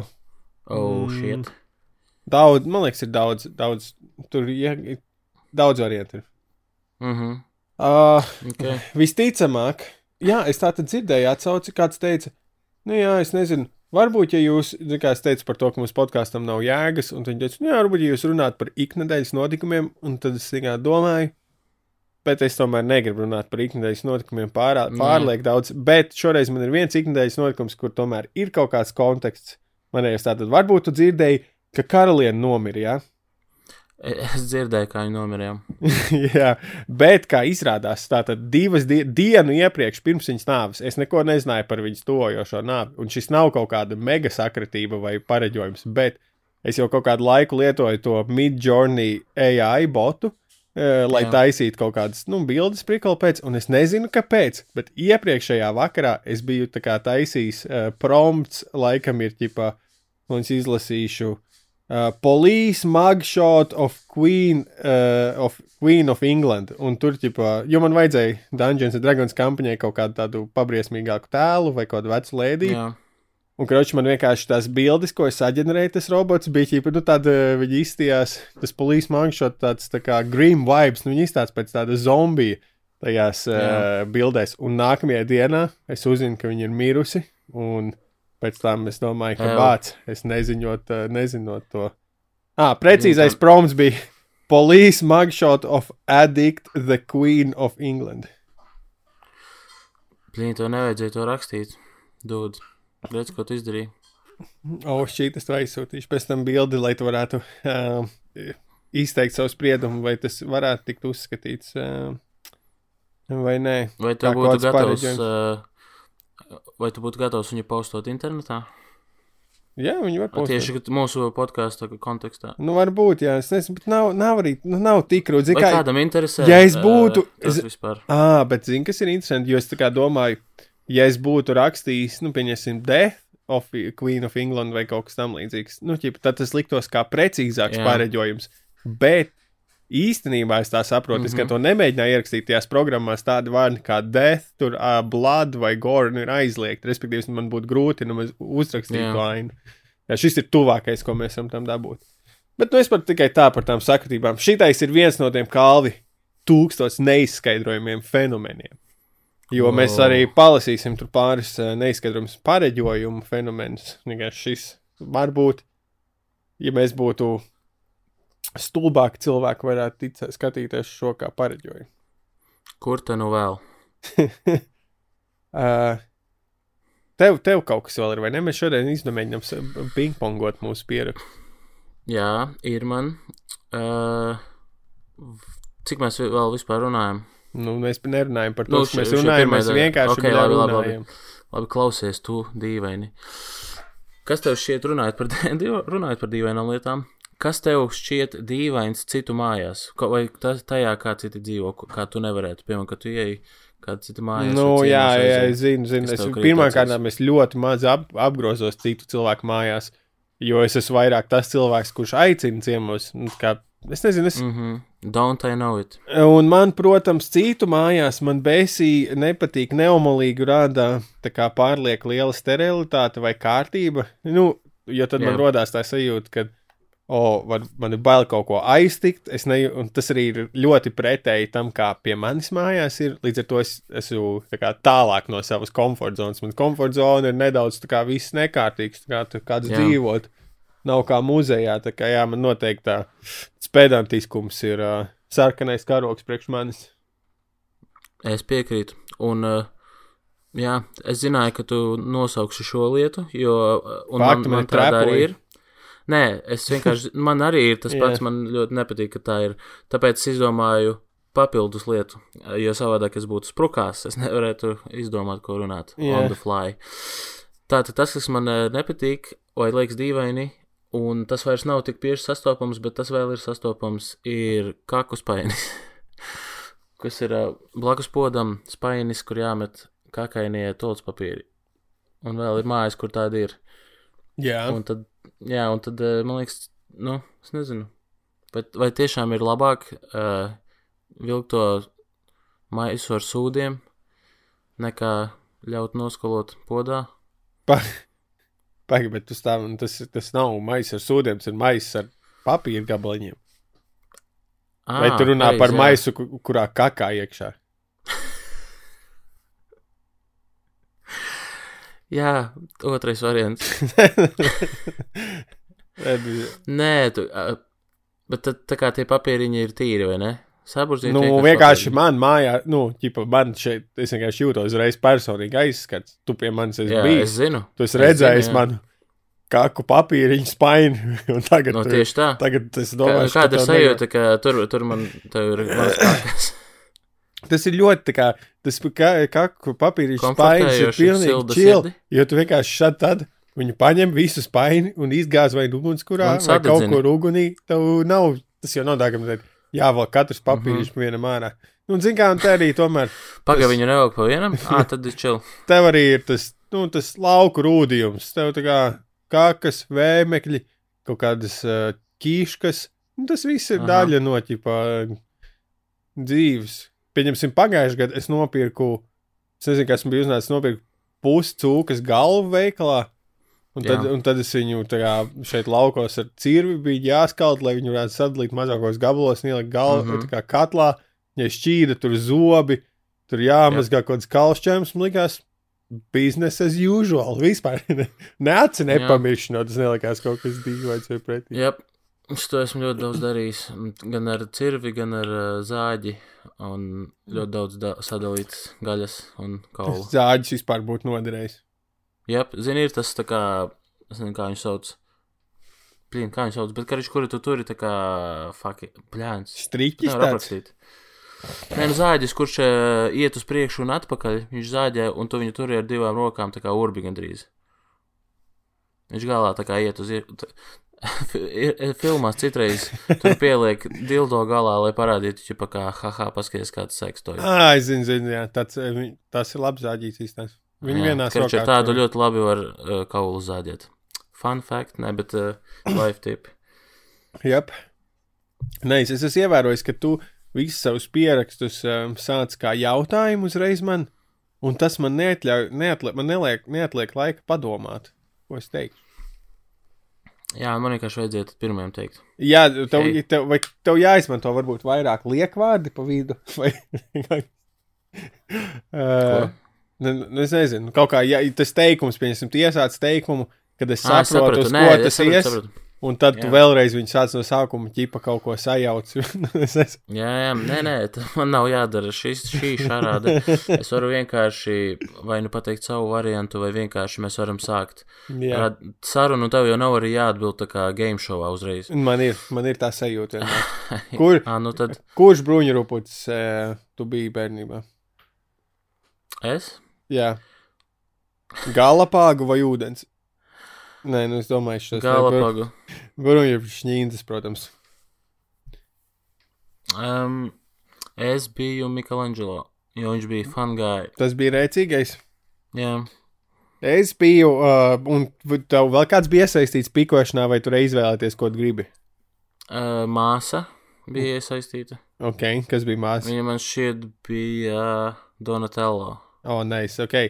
Jo mūsu, e, mūsu pikošanā bija iesaistīts mans vecākais brālēns, un viņš tā kā bija vecākais, viņš bija boss, protams, Leonardo. Mm. -hmm. Savukārt es izvēlējos Donatello, kas ir interesanti, jo man nebija īpaši svarīga tā, tā gudrības daļa, bet man bija mm. -hmm. svarīgi tas, ka Donatello ierocis bija visvieglāk kā at, nu, atrast šķūnī, respektīvi, es iegāju šķūnī, Jā, paņēmu bombu, un man bija ierocis, tad iznāk brālis ar diviem kokiem, un saka, ka viņš ir Leonardo, un man ir tāds vecīt. Tev ir divi koki, tie nav nekādi zobeni, apsies man jā. perfekti autentisko bombu. Ā, ja tev, tu varēji vēl striķi pa vidu apsēt, un tad, nu, vai tā kā lentu, un uh, tad būtu pavisam. Jā, Es īstenībā es taisīju pats arī gan uh, nunčakus, gan arī tos, es tie treidekšņi, kas tās dakšas. Uh, Rafaelo, arī- kas bija? Rafaelo? Jā, Mm. jā, un arī zobenus taisīju no koka, bet tā kā nevis vienkārši divus dēļus, bet uh, arī ar visu to, kā viņu hilt, nezinu, latviski kā sauc. Um, Roku. jā, es, visu, es, nu jā, es taisīju visādus uh, īstenībā ķipa zobenus un pistoles no koka. Nē, es man meita, man jau ma- sieva pārmet, ka meita ir sākusi. Mona viena pats spēlējas īstenībā, ah, nošāva zombiju. un es, es, nu tad mūsu parasti mūvs ir tāds, ka es saku, ka, ah, nu, ķipa, ka viņš šauja ar ūdens pistoli, nevis īsto pistoli. Mm -hmm. un, Mhm. un, un es sievai to saku, un viņa saka, jā, bet viņa nošāva ar ūdens pistoli. Jā, šāva. Bet pēc tam es mēģināju tā kā reinforcot to uh, ūdens padarīšanu, un tad es izlikos, ka es esmu zombijs, kam ļoti nepatīk palikt mitram, lai vairāk mm -hmm. kā, spēles būtu ar ūdens pistolēm. Bet nu neko mm. darīt, neko darīt. Būs jāšai tie zombiji. nu, ot, jā. Es gribētu uztaisīt kādreiz uh, no Aliens to pul pulse rifle saucamo uh, no koka. Es gribētu uztaisīt tādu tā kā vismaz. Jāskatās, cik viņa liela be beigās būtu, bet es gribētu tā kā mērogā viens pret vienu. Uh, tas mans tāds bucket listā. Ok, nu nākamgad pie manis. Uh, es nezinu, bet jāskatās. Jā, ja visi in- instrumenti līdzi, jo tur diezgan uh, smalks, smalks tas darbs varētu būt. Nu, Jo man tur diezgan tieši daudz detaļu, un no koka tā kā varbūt nav labākais, bet es domāju, varbūt, ja viņi uztaisītu aptuvenā, ne ar pārāk smalkām detaļām, un jau ar krāsu kaut kādā veidā noslēptu un izceltu, man liekas, vis, vismaz tā, lai Mm. vizuāli izskatās diezgan ok. Ok. Nu, man, Tev vajag, ir- man vajag paplašināt šos te uh, iero, ieroču, ne, instrumentu klāstu. Ieroči man nav. Mhm. E, tagad pingpongs tev. Atkal? Es-. Ok, labi. Uh, kas tevī rada stresu, Emīlu? Un es tev uzreiz pastāstīt, kas. nice. To ātri mācīties, kā. Jā, divreiz nav jāsaka, lai gan tu pateici trīs reizes. Um, man, eh, manī, piemēram, rada stresu, tad, kad es, piemēram, jūtu, ka es nekontrolēju situāciju, piemēram, kad darbā kaut kādas vairākas uh, lietas reizē notiek, un tā pēkšņi un tas steidzami jāizdara, un no manis gaida tā kā tagad vai tagad. Un eh, es jūtu pilnīgi kā, ka pā- pāriet tā kā tāds vilnis pāri, un uh, sāku svīst momentā. Jā, bet tas ir ārpus kontrolas vai vienkārši liela atbildība tajā brīdī tev. Nu, tas nav nekas neiespējams un neizdarāms, bet vienkārši, kad ir pēkšņi ļoti daudz kas reizē, kāds saskrien citreiz, tad uh, vienkārši tas moments tāds ir tāds fāk, es, ne, es netieku galā. Vienkārši es vai es varu visu pa vienam tikt, ar, nu tā kā tikt galā pa, pa vienam tām lietām. Jā, Uh, bet, bet nav, nav, es tur nevaru īsti nevienam tā pateikt, jo ta, tas viss ir jāizdara uzreiz. Un man bija, es vienreiz pastrādāju kaut kādu pusotru mēnesi darbā, kur bija vienkārši katru minūti konstants šāds stāvoklis, un uh, tas bija viszemākais punkts manā dzīvē, jo tas, jā, es tik slikti nesmu jūties nekad Mm. kā tos pusotru mēnesi. Nē, es nevaru, es nevaru, man, man nevaru līdz galam relētot, jo man ja savā ziņā man patīk tās tie brīži, kad uh, tev ir kā tik daudz un tik intensīvs, kā tu dari kaut kādu lietu, kas paņem tev visu uzmanību, man tas ir kā uh, patīkami, nu, kad, kad man nav laika ne par ko citu padomāt, es tikai kā tajā brīdī domāju, kā risināt problēmas vai kaut ko darīt. Jā, bet, Uh, bet man man tas ir man lietām. nu, nu, es vienkārši saku, kas nezinu. lietām, ja tas ir darbā, kur, kur tā nav lieta, kas tev baigi interesē, bet tev tā ir jādara piespiedu kārtā, vai arī versus tu dari savas lietas vairāk, tad, tad tas ir ok. Nu, es nezinu, es to varu, es, es tā kā to izjūtu, to hiperfokusēšanos dažādās dzīves lietās, gan darbā, gan mm. -hmm. kādos pašu organizētos pasākumos vai e, dažādos aspektos. Bet nē, man, man es nezinu, man e, par stresu radīšanu, man, ja mēs dzīvē ierakstām, tad man stresu rada tava e, šitā te dzīvības līnija, jeb uh, balss skaņas vilnis tavējais. Jā, Tad man kā Šo, šodien vajadzētu būt ok. man kā ģimenes drošības ministram stresu rada s- pusdrošas situācijas, kuras, kurām man ir jānoraugās. Mhm, piemēram. Mm, nu, nezinu, bērns spēlējis pārāk tuvu, manuprāt, kaut kādai malai, kas sie- sievai Vai liekas ugunskuram. Nu, jā, jā, jā piemēram. Bet, uh, nē, nu, dro, droši vien, protams, uh, es nezinu, nu, šitais tāds, mm, jā, jā, jāpadomā, kā tā teikt par šī. Mhm. Jo Nu, es, es jau laiku. Es jau pagājušajā nedēļā teicu, ka es tās kājas nu, par visu tagad rīktīgi savalkos. To tikpat labi varētu teikt, ka es par visu, visu sastresojos. Kā, nezinu, es Nu, veikšu tas tādu. Baigi tevi gaiļoja daudz kas pagājušais. No Veikšu- Gail, gailīšu brīdis, šitas te brīdinājums. E, veikšu ieskatu. Tā saucamo introspekciju. Mhm. Tu šobrīd to dari?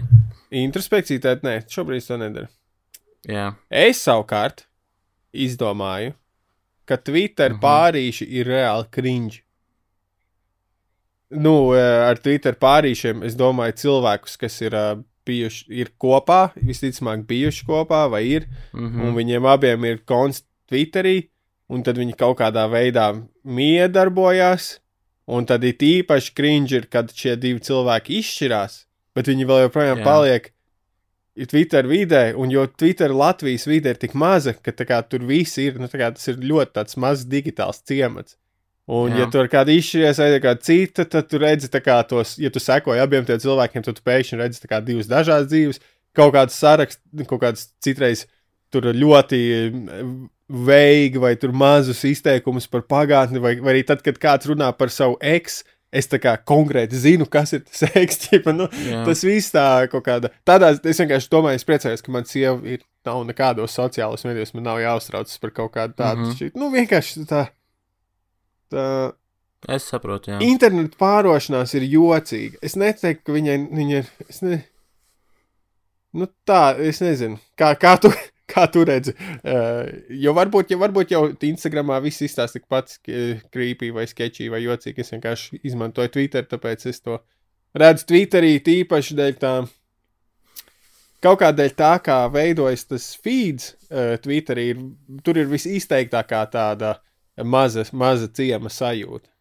Jo es tā iedomājos par to, kā tiek Instagrams paskrolots, tur ir kaut kā citādāk. Tur nav tāda sajūta, ka visi ir atnākuši uz vienu kaut kādu laukumu, kur liek to informāciju. Tur viss ir tāda sajūta, ka katrs tipa paaicina uz savu feiko dzīvi pie viņa mājās pastīties, nevis tā kā kādā kopējā katlā liek visu to informāciju. Nu, saprotu, ko es Nu, domāju. tas ir citādi. Nē, es saprotu, tāpēc, ka Instagramā jau tur rāda savu, tā kā, ū, paskaties, cik man smuks šitais, paskaties, kā es smuku šeit izskatos. Bet uh, Twitterī tu jau arī savus viedokļus izsaki, un tāpēc arī tas vairāk eh, cringe, ja tu piemēram, iedomājies, kur, kad ir bijis Instagram pāris un Twitter pāris, un tad, kad viņi izšķirās, kas paliek aiz viņiem. Instagramā viņiem paliek, tipo, o, mēs smuki, mēs šeit izskatāmies, mm Mhm. -hmm. tur izskatāmies. Bet Twitterī paliek visi, o, tas tur kaut kādi, nezinu, dīvaini joki vai kaut kādas frāzes vienam par otru. Un tas ir, ā, tā informācija ir citādāka un tāda um, ikdienišķāka, netik nopulēta un tādas ā, vienkārši random domas. Un tas ir tas, kas, nu, kas na, na, neizskatās smuki pēc tam, after Jep. the fact. O, anglicisms, pats pieķēru.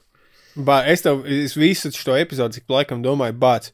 Es vai nu esmu pilnībā akceptējis, ka Kalvis ķipā runā, es tā kā nedzirdu viņa anglicismus, vai arī viņš vienkārši perfekti no viņiem izvairās. Es ā, diezgan man šķiet izvairījos. Jā, diezgan labi. Es, piedomā, es pat nepiedomāju, īstenībā sanāca. Jā, jā tas bija ļoti, ļoti meistarīgi. Tu izturēji veselu stundu, jo. Wow, damn, es varu atsākt. Dēļ, ja tu jau atsāki. Vienu, pat, vienu pateici, un viss maisam galvas ir vaļā. Nu, ko pēdējais šonadēļ uh, ir vēl viens ieraksts no Twitter, kas man ieinteresēja. Tātad es tulkošu kaut kāds 100 114 tūkstoši laiku, ļoti populārs. Wow. Vīrieši, ja jūsu draudzene tikko finišējas maratonā, saņem, uh, saņem kaut kādu balvu, iet pa, pa šito mēli, lai noslēgtu savu kolekciju, kur ir dizainējusi. Vai, vai tā tad priecājas par jebkādu citu lielu individuālu sasniegumu, priekš kuru viņa ilgi ir strādājusi? Šis nav laiks, lai, viņu, lai viņu bildinātu. Un, ja arī sievietes, ja jūsu vīrietis to izdara, šķirieties no viņa. Uh, tā tad. Jā. Es kā cilvēks, kurš ir bildinājis vienreiz veiksmīgi, citu cilvēku izteikšu savu viedokli par šo, uh, kad es nezinu, es neesmu personīgi, es nezinu, man šķiet, varbūt Latvijā, Latvija kā tāda introvertāka nācija, mums varbūt nav tik pieņemts publiskos pasākumos uh, bildināt kādu. Ne? Es, ne, es neesmu mm. -hmm. redzējis dzīvē, tu esi bijis klāt daudziem publiskiem bildinājumiem. Es, ne, ja godīgi, nevienam neesmu bijis klāt. Nu, jā, nu, tieši tā, tāpēc šis viss īstenībā neatiecas uz, man liekas, latviešiem, bet cik es saprotu, ārzemēs, tā kā mm. -hmm. tas ir ķipa, ā, tā, tā loģika no to vīriešu puses ir tāda, oh, viņa piepilda savus sapņus, kā, un tad viņu, es, viņi grib mani apprecēt, mēs kā piepildīsim visus viņas sapņus vienā reizē, ķipa, nu, vienā Jā. dienā. Bet tā sievietes, šis feminists viedoklis ir nedaudz tāds, ka, ķipa, o, viņa at, atkal vīrietis atņem no sievietes personīgiem sasniegumiem un fokusēju atkal uzņemot uzņēmību tikai uz sevi, bla, bla, bla. Jā, nu, tas nezinu, vai, vai tas ir, vai viņām ir taisnība. Nu, es, tas, no, tas es domāju, ka daļai ir. Man vienkārši liekas, kopumā publiskos pasākumos bildināt nav pārāk cool, ja vien tā pati Jā, sieviete jā. negrib. Es vienkārši domāju, ka cilvēkiem vajadzētu kaut kā iepriekš e, saprast tos jā un nē, ko viņi grib savā bildinājumā vai, nē. Bet es katrā ziņā, man tad, kad es domāju par bildinājumu, es biju nolēmis, ka svarīgākais aspekts ir pārsteigums. es nezinu, kāpēc. Mm -hmm. Jo gradzenu bildinājums nopirkt par 20 latiem. Ļoti lēti. Es zināju, ka arī nav svarīgi sievai. Tas tur vienkārši bija. Es biju aizbraucis ar čomu stopēt ceļojumā, kas ir atsevišķs stāsts, un tad es viņu bildināju tieši atgriežoties. Turpat mājas jūglas pagalmā metos uz ceļa. Mans čoms stāvēja mm -hmm. ar kameru krūmos un to iefilmēja. wow, pagaid, tas ir nofilmēts? Jā, man ir, tā, tur ir, ir gabals, kur, kur viņš filmē no Es krūmiem, un beigās viņš saka, jebal. Tu man parādīsi to video? jā, jā, es parādīšu. Tas ir, um, tas video ir galā. Mēs, tad, kad braucām ar to čomu tajā stopēšanā, mēs arī filmējām filmu, un tad beigās mēs atbraucām atpakaļ, un tad viņi noslēdzas ar to ar bildinājumu. Tā kā man būs neizturējuši bērniem rādīt uh, bildinājumu. Man būs iefilmēts. Metos uz ceļa. Tas ir interesanti. Es nezināju šo faktu, ka tas ir nofilmēts. Jā, jā, tā filma ir ļoti laba. Tur mēs esam, man ir 19 gadi. Es nereāli daudz lamājos, un, un vienā brīdī ir ļoti ironisks teksts, jo es saku, kas ir bļāvis, nevar lamāties, kas to bērni skatīsies. un tagad es visu, par ko es domāju, bācis, es šo filmu gribētu bērniem parādīt, bet, Jā. bet teksts viņā atliek rādīšanu vismaz par pāri daudz gadiem uz priekšu. Es domāju, tev vajag uh, cenzēt to versiju uztaisīt. Labi doma. Nu, tas tā, tas no manis uh, šonadēļ, tajos iknedēļas lietās. Jā, un arī no manis pierakstīties lietās. Tagad man atkal, man beidzot bija, un tagad man atkal ir jādomā. Es Jā, vienkārši skatījos savus vecos kaut kādus pierakstus, tagad klādes un meklēju joku idejas, un es atradu, ka man bija lapa vienkārši pierakstīta mm. ar idejas podkāstam. Un tad, kad, nu, kad es vēl taisīju savējo. un kā es uzrakt vienkārši- zeltu. Jep, precīzi. Uh, nu, ok, tas, tas uh, Man pat viens palika pāri. To es nu, reizē. Es jau ar šo to protams. pietaupu. Nē, es nejos jau viss slodzes izšot. Uh, nu, ok, vai tiekamies tūliņ, tūliņ, tūliņ pēc uh, īsa brīža otrajā daļā. Reklāmas pauze. Jep, labi. La la la la la la la la la la la la la la la la Ak, mans dievs, kas tas bija? Es atdalīju vienkārši uh, daļas, lai es vieglāk būtu izskatot. Tā tad. Jā, to, to arī atdalīja uh, dzirdīgos no nedzirdīgiem, tikko mūsu klausītājus. Šodien, otrajā daļā epizodes, mēs, manās rokās ir grāmata no sērijas Iepazīsim pasauli - tūkstots neizskaidrojami fenomeni, noslēpumainākie, neizskaidrojamākie pagātnes un tagadnes stāsti. Izdziedināšanas brīnumi, maģija un raganas, gari vampīri, Ko tu dzen? citplanētieši, fakti, pieņēmumi un hipotēzes. Nu, izklausās lieliski. Es gribētu saprast, kā mēs. Um, man patīk toreiz, eh, kad mēs uh, par cīņķiem runājām, mēs kā vērtējām, cik ticama ir tā teorija. Mm. -hmm. Un tad šeit tā kā būs neizskaidrojami fenomeni. Tad es iesaku, domāju, ka mēs varētu vērtēt, kā, cik neizskaidrojams mums katrs tas fenomens šķiet. Man liekas, tas dīvaini nosakām. lieta. Nu, zini, kā nolasam pirmo, tad mēs izdomāsim vērtēšanu, jo es vēl nezinu, kāda tieši tie labi, fakti labi, davai. Tas ir Kas ir mums kā jāvērtē? Jā. Ok, pirmais, jā. Ko zināja pigmeji? 18 mēnešus francūzis Piers Oje nodzīvēja. Ah, pirms es turpinu. Es gribēju teikt, ka no šeit es esmu izvēlējies iepriekš atlasījis tātad eh, stāstus pašmā, balstoties uz garumu. Tātad izvēloties īsākos. Uh, Okay, īsāki vienmēr ir labāki. jā, Tātad- to vienmēr esmu teicis. Piers Oje nodzīvoja Centrālā Afrikas Itūrī mežos starp pigmejiem un kļuva par viņu tautu, mm, tautas cienījumu biedru. Pigmeji ir tie tā kā, nu, ka a, ir- aborigēni džungļos, ķipa. Jā, bet tu, laikam, par, par godu viņiem izvēlējies arī īsos, jo pigmeji ir īsi augumā. Jā, pigmejiem īstāstiņš. Viņu pārsteidza tas, ka pigmeji, kuri nesaskars ar civilizāciju, sauc Saturnu par Bibitiba Abutsuja Anī, deviņu mēnešu zvaigzni. Taču de... Okay, tas ir garš tetovējums. Patīk, forša valoda. Bibitiba Abutsuja Anī. Uh, taču, Jā. Taču, tā, klausies, šeit ir tas Tas ne. kā viņš sasveicinās. Aba uba či i o aču aču. O, es nezināju, ka tu esi studējis šo Tas ir, valodu. t- tas ir čipa jau. Es iztēlojos arī, ka tu runāji kustinot dibenu vaigus, tā kā Ace Ventura. Ok, pirm, nerunājot par to, kāpēc tu to iztēlojies. Uh, nezinu, man, man, man nebija follow-up. Labi, tā tad uh, neizskaidr, Anglicisms. neizskaidrējumā daļa. Man liekas, ka tu pats pildarīsi to funkciju par piefiksēšanu. Tāpēc, ka es eh, mēģinu pats ikdienā to iz, iz, iztīrīt, un tāpēc arī man jāsāk pašam pieķert sevi to darot.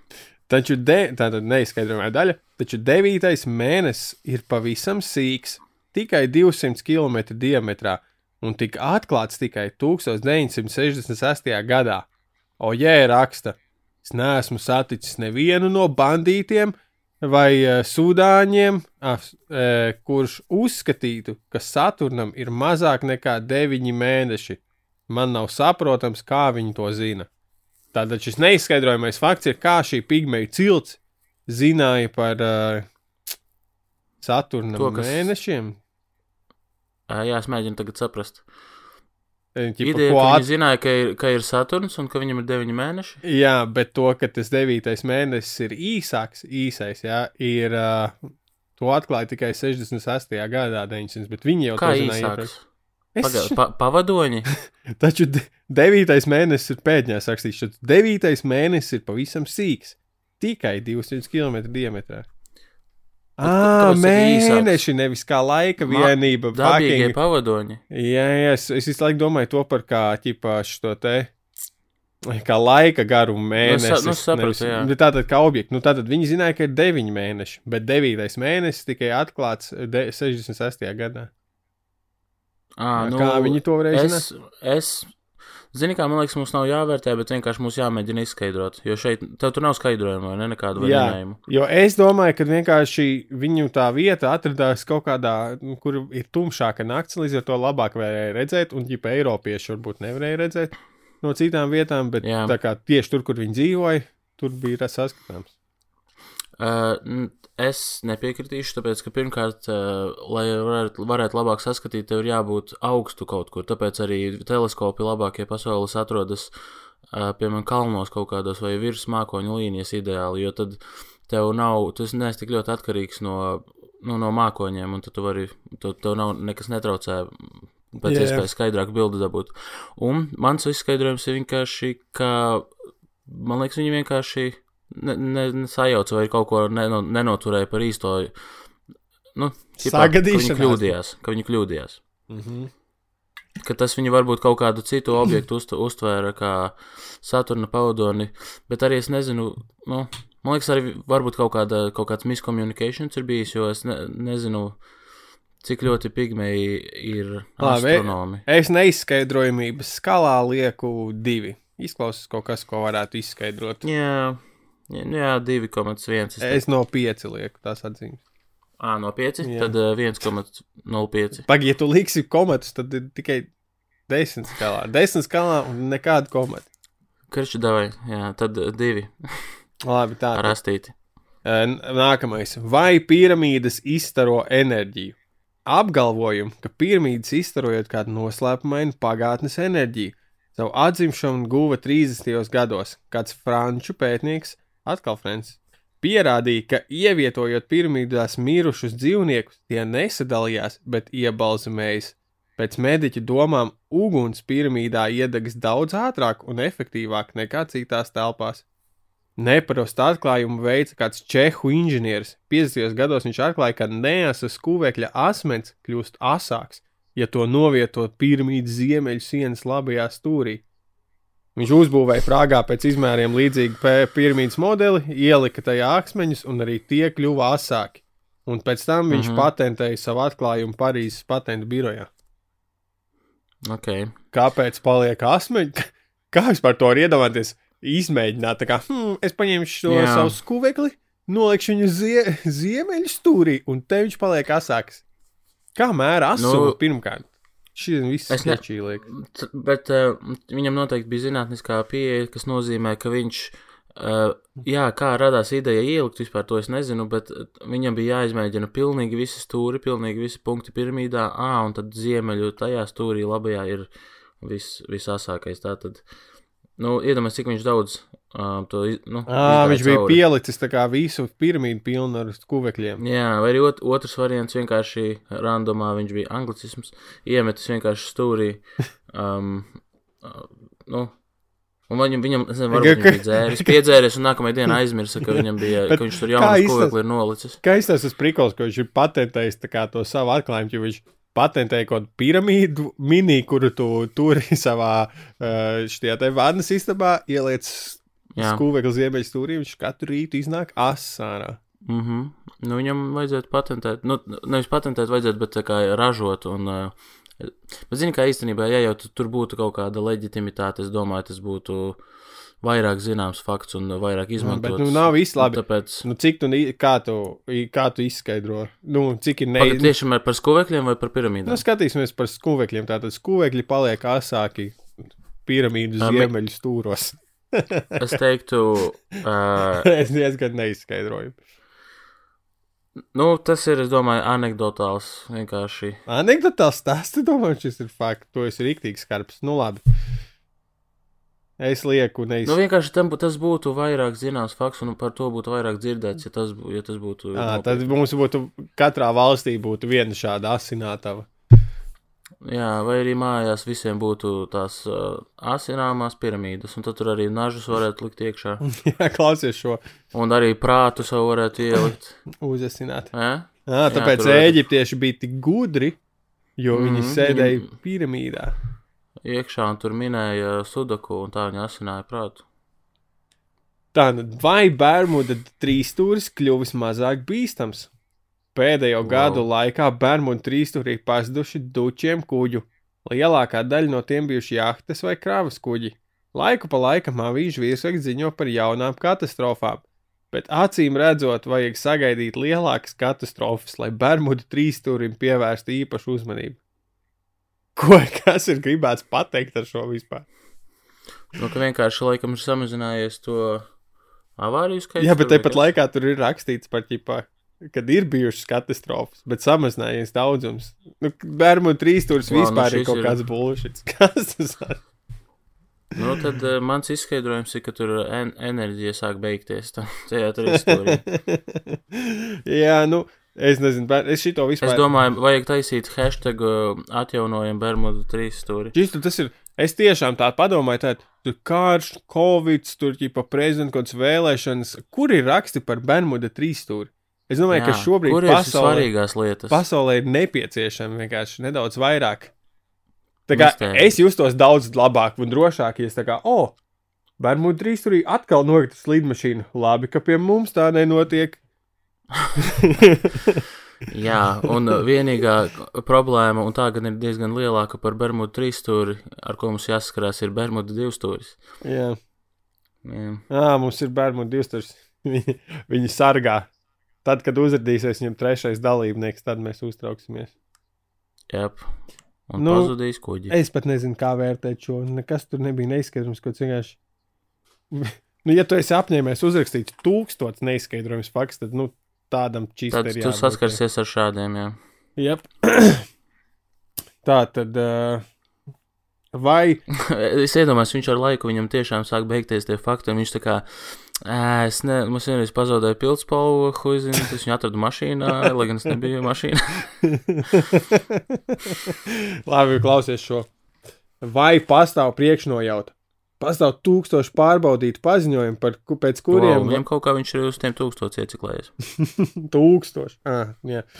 uh, neiz, uh, neizskaidrojums priekšnojauts ir izglābuši cilvēku dzīvības. Tam piemērs mm. ir Lēna Libovica. Lēna, Lēna Libovica no Brooklynas.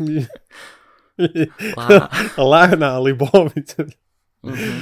no Ņujorkas, Brooklynas. Viņa iegādājās radio uztvērēju un nolika to uz plaukta virs gultas. Kādu vakaru jaunās sievietes māte nevarēja iemigt, jo viņas acu priekšā pastāvīgi rādījās briesmīga aina. Viņa. Oh, my God! Es dzirdēju Nu? šos te sīkspāņu ķērcienus, un viņi izklausās Nice. tik krīpī. Callback. Oh, my God! Tas bija bailīgi. Briesmīga aina! Fuck! Kā... Nu, es Tu, esmu. tu neesi kokainis, tāpēc es domāju, chill. Jā, bet tu sēdi savā siltajā mājā, dzīvoklī, bez cimdiem rokā, tumšā.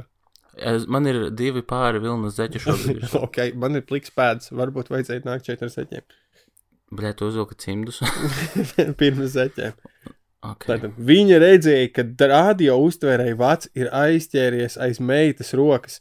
Viņas meita pagriezās, aparāts nokrita un pārsita tai galvu. Mātei šī aina šķita tik reāla, ka viņas teikšanas aizskrēja uz meitas istabu. Lēnas roka, rokai patiešām bija aptinies meitas, eh, tātad eh, no aptinies no radio cieši nostiepies vats tieši tā, kā māte to nojauta. Pēc neapzinātās meitas kustības radio krita no plaukta, bet māte nekavējoties norēģēja, paspēja to notvērt un ātri atsaitēja vadu. Viņas meita bija izglābta. Um,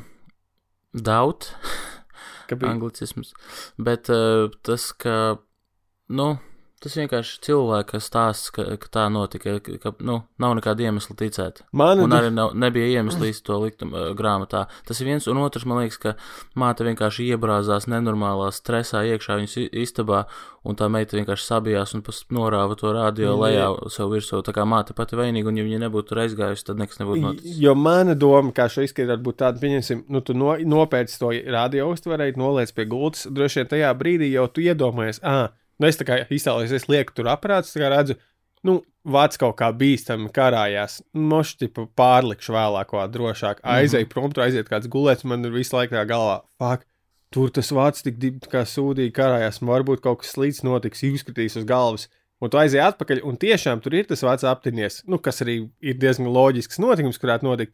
Un tas krītiens mm -hmm. un galva tā jau ir tā fantāzijas daļa, un varbūt, ja viņa nebūtu atnākusi, tur varbūt tā būtu, nezinu, tā roka izvilkusies pa nakti ārā, vai viņš nokritis uz Jā, zemes. jā. Tas, nu, es domāju, tā izglābšanas fakts tur nebija. Es domāju, šeit ir diezgan izskaidrojams.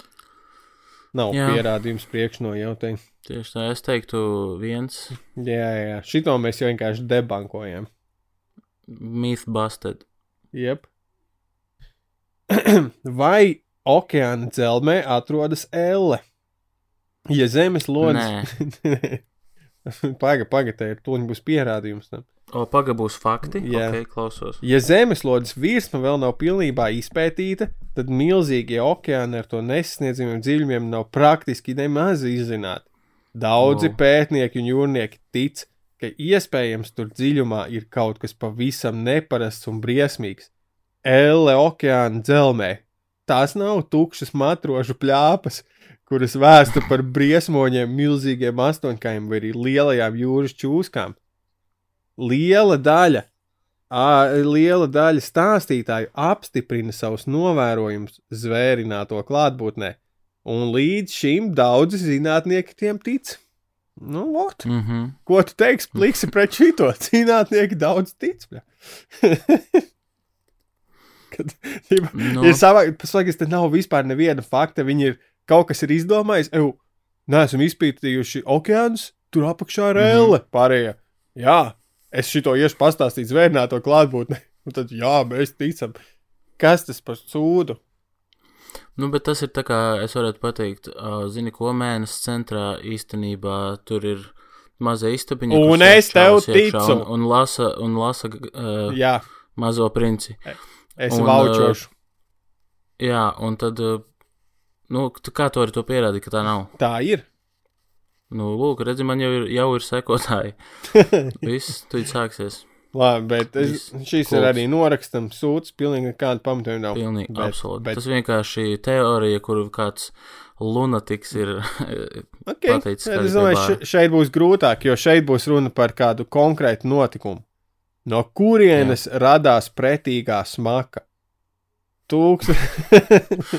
Tas, to, tas gan ir desmit. Šis vienmēr ir problēma. To atver dzīvokļa durvis, un Gan- tad ir fakt, mistērija uzreiz. kalvs atnāk ciemos, kā sāk kaut kas smidēt. Ew, Uh, joks, joks, bet nu, es domāju, ka vienkārši arī rakstītājs šīs grāmatas pats tā kā noķiķinājās. Tā kā, ho, ho, ho, no kurienes radās Mhm. mm -hmm. brīvās smaka. Tātad. 1962. gada martā pieci ASV gaisa kara spēku akvalangisti, vienmēr uzticami, ja kāds ir no gaisa spēkiem, ar mm laivu peldēja blīvā miglā piecas jūdzes no Floridas krastiem. Pēkšņi viņi jūta riebīgu, šķebinošu smaku. Kāpēc tam stāstīja viens no akvalangistiem? Sekundi vēlāk virs viņiem pacēlās briesmīgas formas galva un kakls. Laiva apgāzās un nīrēja atradās ūdenī. No viņiem izdzīvoja tikai viens. Viņš arī izstāstīja šo gadījumu. Pēc stāstītāja vārdiem četri no viņa biedriem, ieraugot jūras briesmoni, krita panikā un noslīka. Šīs izklausās pēc kaut kāda perfektā slepkavības, vienkārši četru cilvēku manslaughter.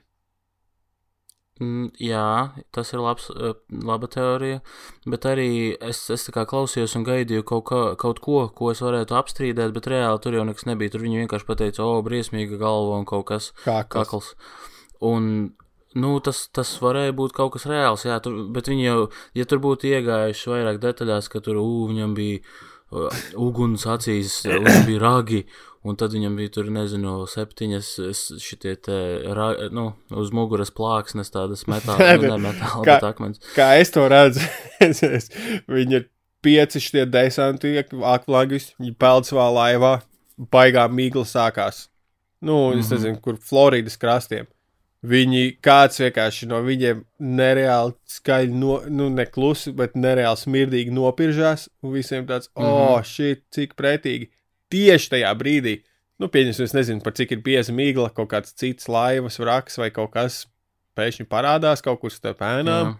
Viņi sabīstās, plus tā smaka, mm -hmm. vienkārši ieliec un noslīkst. Profesionāli Es akvalangisti. aizmirsu par smaku, jā. Es nezinu, kā šī nu, grūtāk šī Es diezgan Jā, neizskaidroju. vienkārši dzēra un uh, Apreibinošs vielas.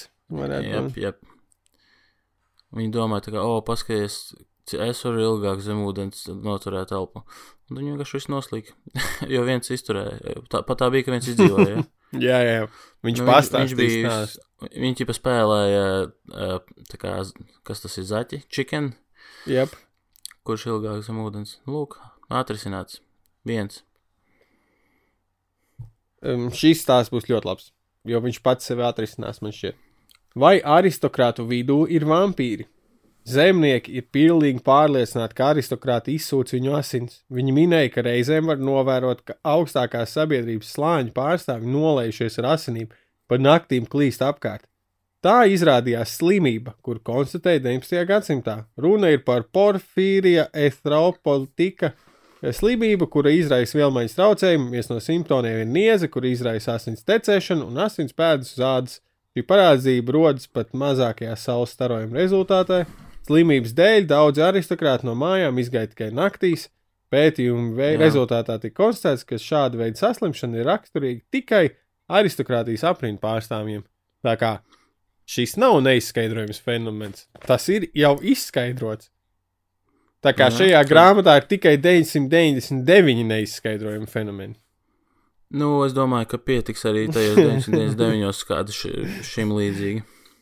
Nu, ko, nu, bet tā ir, nu, ķipa, aristokrāti bija savā starpā pārojušies, bija viņas Es arī atšakarējuši. domāju, ka tas ir ar to saistīts, jā. Jā, pa nakti, nu jā, tur ir izskaidrojums, ķipā, saules spīd, bet zini, kas ir neloģiskais?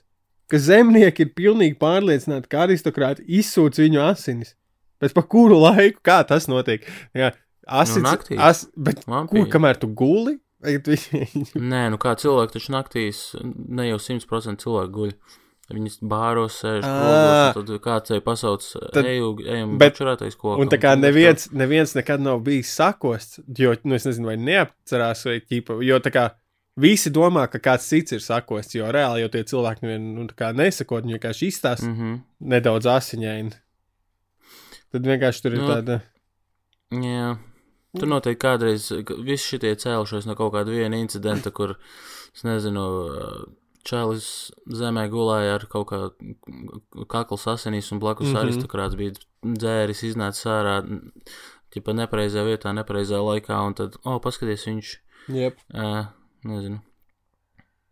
Vai kaut kāds fe, no fetiša kaut kāda. Jo, tipa, tā, jo vi- visos laikos jau tiem, kam ir nauda bijusi, nu, viņi, uh, nu, zina, ko dara. Tā kā tiešām nu, augšējais 1% vai 0,1%. Nu, protams, protams. Jā, un tad uh, vienkārši katram laikam savs. Varbūt, varbūt viņi, Epsteini vienmēr ir bijuši. nu, jā, varbūt arī tajos laikos tas bija normal, normālāk, piemēram, dzert asinis vai kost kaklos. Tā kā tas varētu būt arī bijis kaut kas reāls. Bet vienkārši tam, tam pielika klāt to visu mitoloģiju. Mm. un, un tā. Ok, tātad mums ir pāris stāsts par kā, nu, pareģojumiem savu veidu. Mm -hmm. Kā sa... Tu gribi vēl to stāst? Jau jau septītā stundē. Kāda septītā stunda? Man vēl ir stāstīņi jānoskaidro daudz lietas. Labi, labi, čau. Kā sapnis iespaidoja šūnu mašīnu? Uh, pak. kā sapnis iespaidoja šūnu mašīnas izgudrošanu? Amerikāņu mehāniķis Elijas Havs ilgu laiku eksperimentēja, lai radītu šūnu mašīnu. Tas viņam nekādi neizdevās. Diegi pārtrūka atkal un atkal. Havs centās diegu austiņā ievērt no augšas, kā to dara parastais šūnu madatai. Bet reiz naktī Elijasam parādījās sapnis, ka viņš Āfrikā ir uzlīdis kokā. Apkārt kokam dejoja iezemieši ar šķēpiem, kuru asajos galos bija redzami caurumi. Kad Havs pamodās, viņam kļuva skaidrs, ka, kā atrisināt savu problēmu. Ādatas acī mm. -hmm. vajadzēja atrasties nevis rēsnākajā adatas bet gan otrā tievākajā. Tajā pašajā mm. -hmm. dienā Havs izgudroja šūnu mašīnu ar dubultu nošuvi. Wow. Neizskaidrojami fenomens, kā viņš varēja nosapņot kaut Nē, ko, nu, kas tas- neeksistē. Es domāju, ka tas ir vienkārši. Viņš tik ļoti bija pārņemts ar to problēmu, ar šīs problēmas risināšanu, Jā, ka vienkārši arī tas sapņos iz- iznāca zemapziņā, kā kaut kas tāds. Jā, vienkārši tas- viņš, tas- viņš bija varbūt arī pārstrādājies un vienkārši smadzenes mēģināja ap, ap, apkopot to informāciju.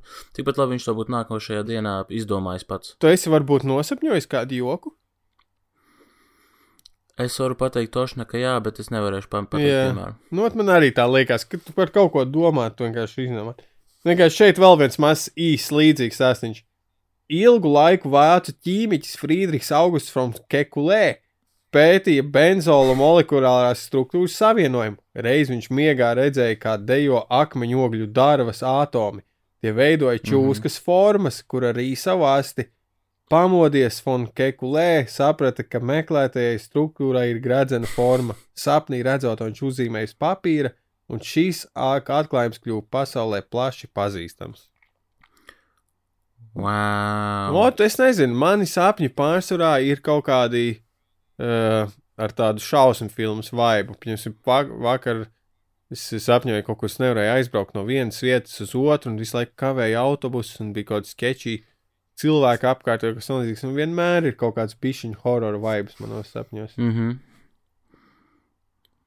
Jā, man, man, man ir vairāk tāda, man ir bijis vairāk, kur, piemēram, es eju tā kā teātrī vai kaut kādā, nezinu, kultūras namā, nē, bet man liekas, teātrī vairāk pa tiem visiem gaitiņiem un pat repēm kāpņu telpām un tā, tā kā tāda, vai ir tādā O, oh, wow, bet tas nav bijis. Tas, laika hotelī. tas izklausās interesanti. Uzai, zinu, kur koka apdara visur. paklāji. man kādreiz. Sapnī doju pie, pieģoinosim un Jā, tā kā es iztēlojos, nu, cik, cik, cik grūti citreiz datorspēlēs ir savienoties, kāds būtu tajā sapnī. mm -hmm. Kalvi atver portus. Tu raksti čatā, nu, esi, tu mēģināji to tur. Labi, man ir viens stāstījums, kas varētu būt. No, Es tevi redzu, bet nedzirdu, iedomājos sapnī, tur mēģināji skaņas problēmas atrisināt. Settingos iet. jā, jā, jā, jāpārslēdz vadītas smadzenes. Mm. Ah, Šis ir pa mūsu Es restartēšu. restartēšanu. Es uzskatu, ka gulēšana ir restartēšanās. Un citreiz var uztaisīt ātro restartu. Pēc desmit minūtes Mhm. pagaļ. Šīs stāstījums nākamais kalvi ir par lietu, kur mēs esam runājuši - originalitāti. Klausies, ļoti sāpīgi. Vai uh, Šerloka Holmsa detektīvs stāsta literārais tēvs, rakstnieks Arthurs Sērs Konants Go- Doils, veselu mēnesi strādāja pie jaunas grāmatas. Neilgi pirms sava darba beigām kādā no bibliotekām viņa rokās pagadījās franču rakstnieka Gijāmo Pasāna romāns. Tas izrādījās pilnīgi identisks viņa grāmatai, sakrita pat darbības vietas. Tas pats hotels Šveicē. Konants Doils nekad iepriekš nebija Mopasāna, nebija ne redzējis, ne dzirdējis, ne lasījis viņa darbus. Viņš iemeta savu roku, uh, rokdarbu kamīnā. Nu, atkal anekdotāls gadījums, kur es nezinu, vai. Kāds, ane- kāpēc, kāpēc uzreiz anekdotāls? Nu, tas ir. Pa, tas ir es tev arī varu pateikt, ka man notika tā, ka es, wow, zinu, ko es izdomāju, baigo joku, bet tad es zinu, ko es vienam komiķim bija perfekts. Tieši tāds. Jau bācis šis šeit labi strādā. Mēs ar Kalvu vienreiz bijām ierakstījuši tik labu podkāstu epizodi, Nē. bet tad mēs klausījāmies vienu bija tāds, news. Fakt, tieši tāda jau ir. Mums vajadzētu, zinu, ko ierakstīt epizodi, kur ir tā kā vārds vārdā, kā cita sērija no iepriekšējām. Mūsējiem Un, jā, tas būtu krīpīgi. tad, tad mēs teiksim, wow, bet mēs taču. Un es arī, nu, es ne, ja, ja tiešām tur bija tik daudz sakritību, tad es neticu, ka viņš nebija saskāries ar viņu kaut kādā veidā. Varbūt, nezinu, dzērumā kāds viņam bija blackoutā stāstījis to.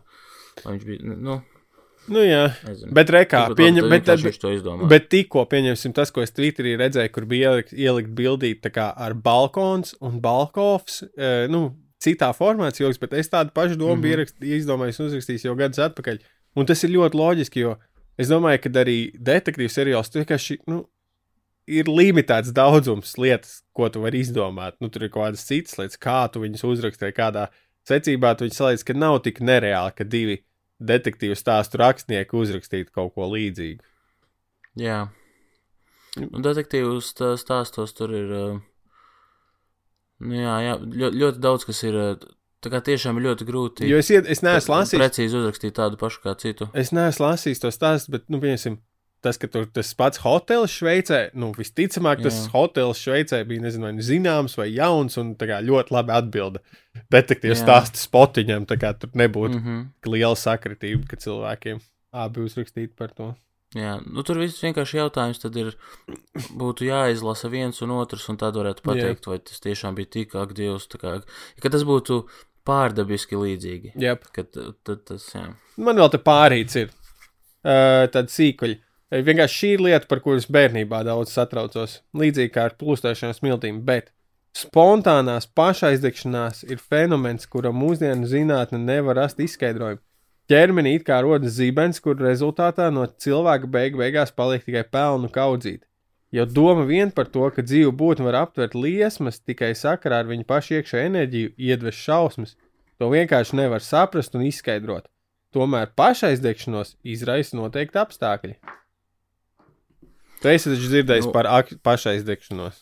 Spontane, Spontānā pašai- spontaneous combustion, tā to sauc. Self-combustion, jā, Mm. es esmu, uh, es esmu par to dzirdējis, un esmu arī lasījis, ka tas nav īsti nekad bijis pierādīts, ka tas tā ir Jā, noticis. Un Man arī tā liekas. cilvēki mm. bijuši atrasti vienkārši jā, sadeguši, un tad vienkārši nevar atrast at, nu, to izskaidrojumu.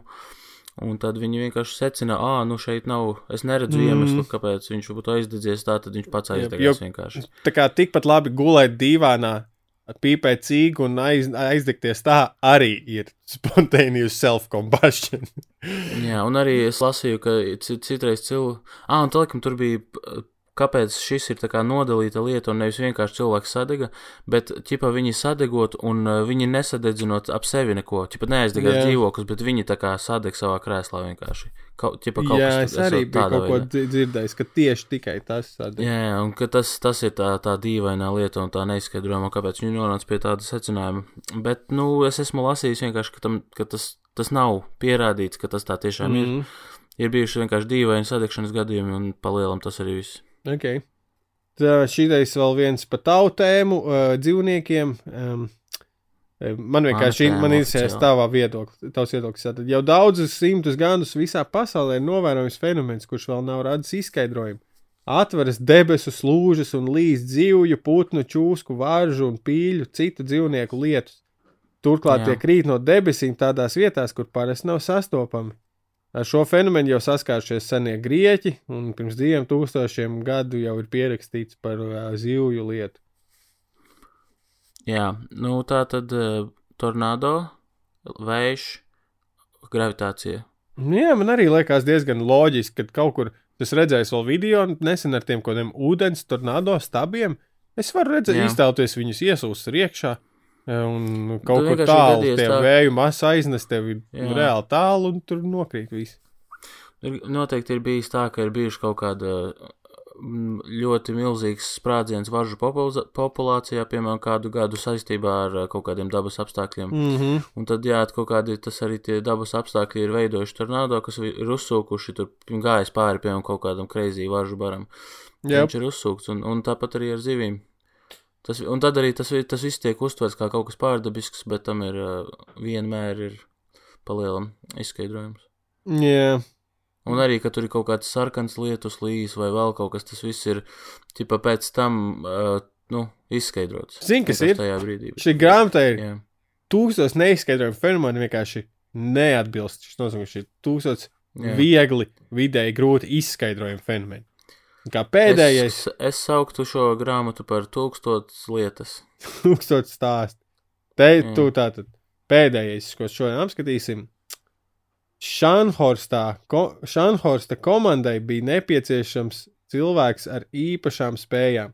Izrādījās, ka šādi cilvēki pastāv. Viņi nebija pakļauti ūdens iedarbībai. 20. gados Ņujorkā dzīvoja kāds A. Fatikoni, kuru sauca par dzīvo korķi. Viņš negrima, pat ja piestiprināja svinu. Viņš varēja saritinājies, mm -hmm. gulēt uz ūdens. Viņu iebāza maisā un no liela augstuma meta ūdenī. Man patīk, ka viņš ir tā kā tāds objekts, priekšmets. Jā, iebāza maisā, ieģelis. jā, meta ūdenī un viss bija veltīgi. Pati Konija brīvprātīgi piekrita Hārvardas Universitātes pētījumiem, bet zinātnieki tā arī nevarēja noteikt viņa nenogremdējamības fizioloģisko pamatojumu. Um, no, jā, man būtu, man būtu jāredz tas savām acīm. Es domāju- Tas, vienkārši tas viss stulbi, tā kā tas, ka tas ir vēsturē un palielam, nu, Es domāju, ja, var, tur var daudz ko uzrakstīt. ja viņu ne, ja viņu nečekotu, tad Hārvardas eksperts teikt, ka viņš tā kā visu laiku piedās pupiņas un tā kā piegāzēja savu vēdru. Izmantoja kā balonu. Bet, Nē, uh, nu, tas ir, tur par, zin kā, parasti ap, ap to laiku, kad tas ir, es pieņemu, ka viņš kuros gados dzīvoja. 20. Nu, 920. 1920. Nu jā, ot, ap to laiku ļoti bieži, tā kā ļoti labi visādi šarlatāni spēja Jā, šis cilvēkus. Hudīni Un, laiks Jā, tuvojās. Nu, bijis, Hu- Hudīni, nu, ir jā, viņš īstenībā jā. viņš čak, apčakarēja cilvēkus visur, viņam bija kaut kāds tas atslēga tajā, gan burtiski, gan arī atslēga tajā trikā kaut kāda, Jā. ka viņš tur tiek ārā no vāžām un šit. Protams, tas, tas ka viņam varēja sist pa vēd- vēderu, tā nav, tas nav baigi triks, tas ir vienkārši Laba presīta. Jā, no tā viņš arī beigās nomira. Ah, jā, es esmu dzirdējis to. Nu, ko? Tas bija ieskats uh, tūkstots. Īsts ieskats. Neizskaidrojamies fenomenos, bet es domāju, mēs noklājām dažādas tēmas. Vienīgais, ko mēs nenoklājām, bija dažādi stāstu garumi, jo viņi visi bija īsie. Jā, tas, ko mēs vēl ne, neiespricējam šajā sērijā, ir smieklīgums. Jā, vairāk, vairāk es arī jūtos izglītots nekā izklaidēts. Bet- Atvainojamies. Nu, bet arī es nezinu, es domāju, ka uh, mūsu Nē, viņi šeit nāk priekš hihi. Nē, nē, nē, nē. Jo, Nē, jo mūsu viss. podkāstā ir, es esmu izvēlējis trīs, trīs tā kā tur var izvēlēties tos aprakst, tēmas aprakstošās. Ok, varbūt primāri viņš ir tā kā komēdijas podkāsts, bet viņš ir arī par society un culture, kas šis tieši tas uh -huh. ir. Mhm. Tātad šeit mēs runājam par kultūru Šis un sabiedrību, kādiem stāstiem. Absolūti society and culture. A, ko, me- ko tu nepiebēri tā kā tādu garšvielas, kādus asprātības vai kaut ko, kādu punchline šur un tur? Tava mamma.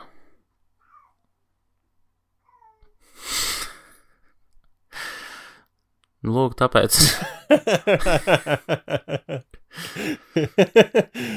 uh, jā, nu, krau... tā tad paldies, ka klausījāties. Jā, milzīgs jums. paldies. Arī, Sekojiet Twitterī Emīlam. jā, Jā. Atpūties. un Kalvim Troskam, ar Kalvis Troska. Un Jep, tiekamies nedēļa. Rakstiet, rakstiet mums kaut kādus, ka jūs klausāties. Nezinu. Tāpat Ok. okay. rakstat. Mums, mēs, mums neraksta. Paldies. Kalvis mums perfekti izvadīja no sērijas. Tiekamies pēc nedēļas. Čau!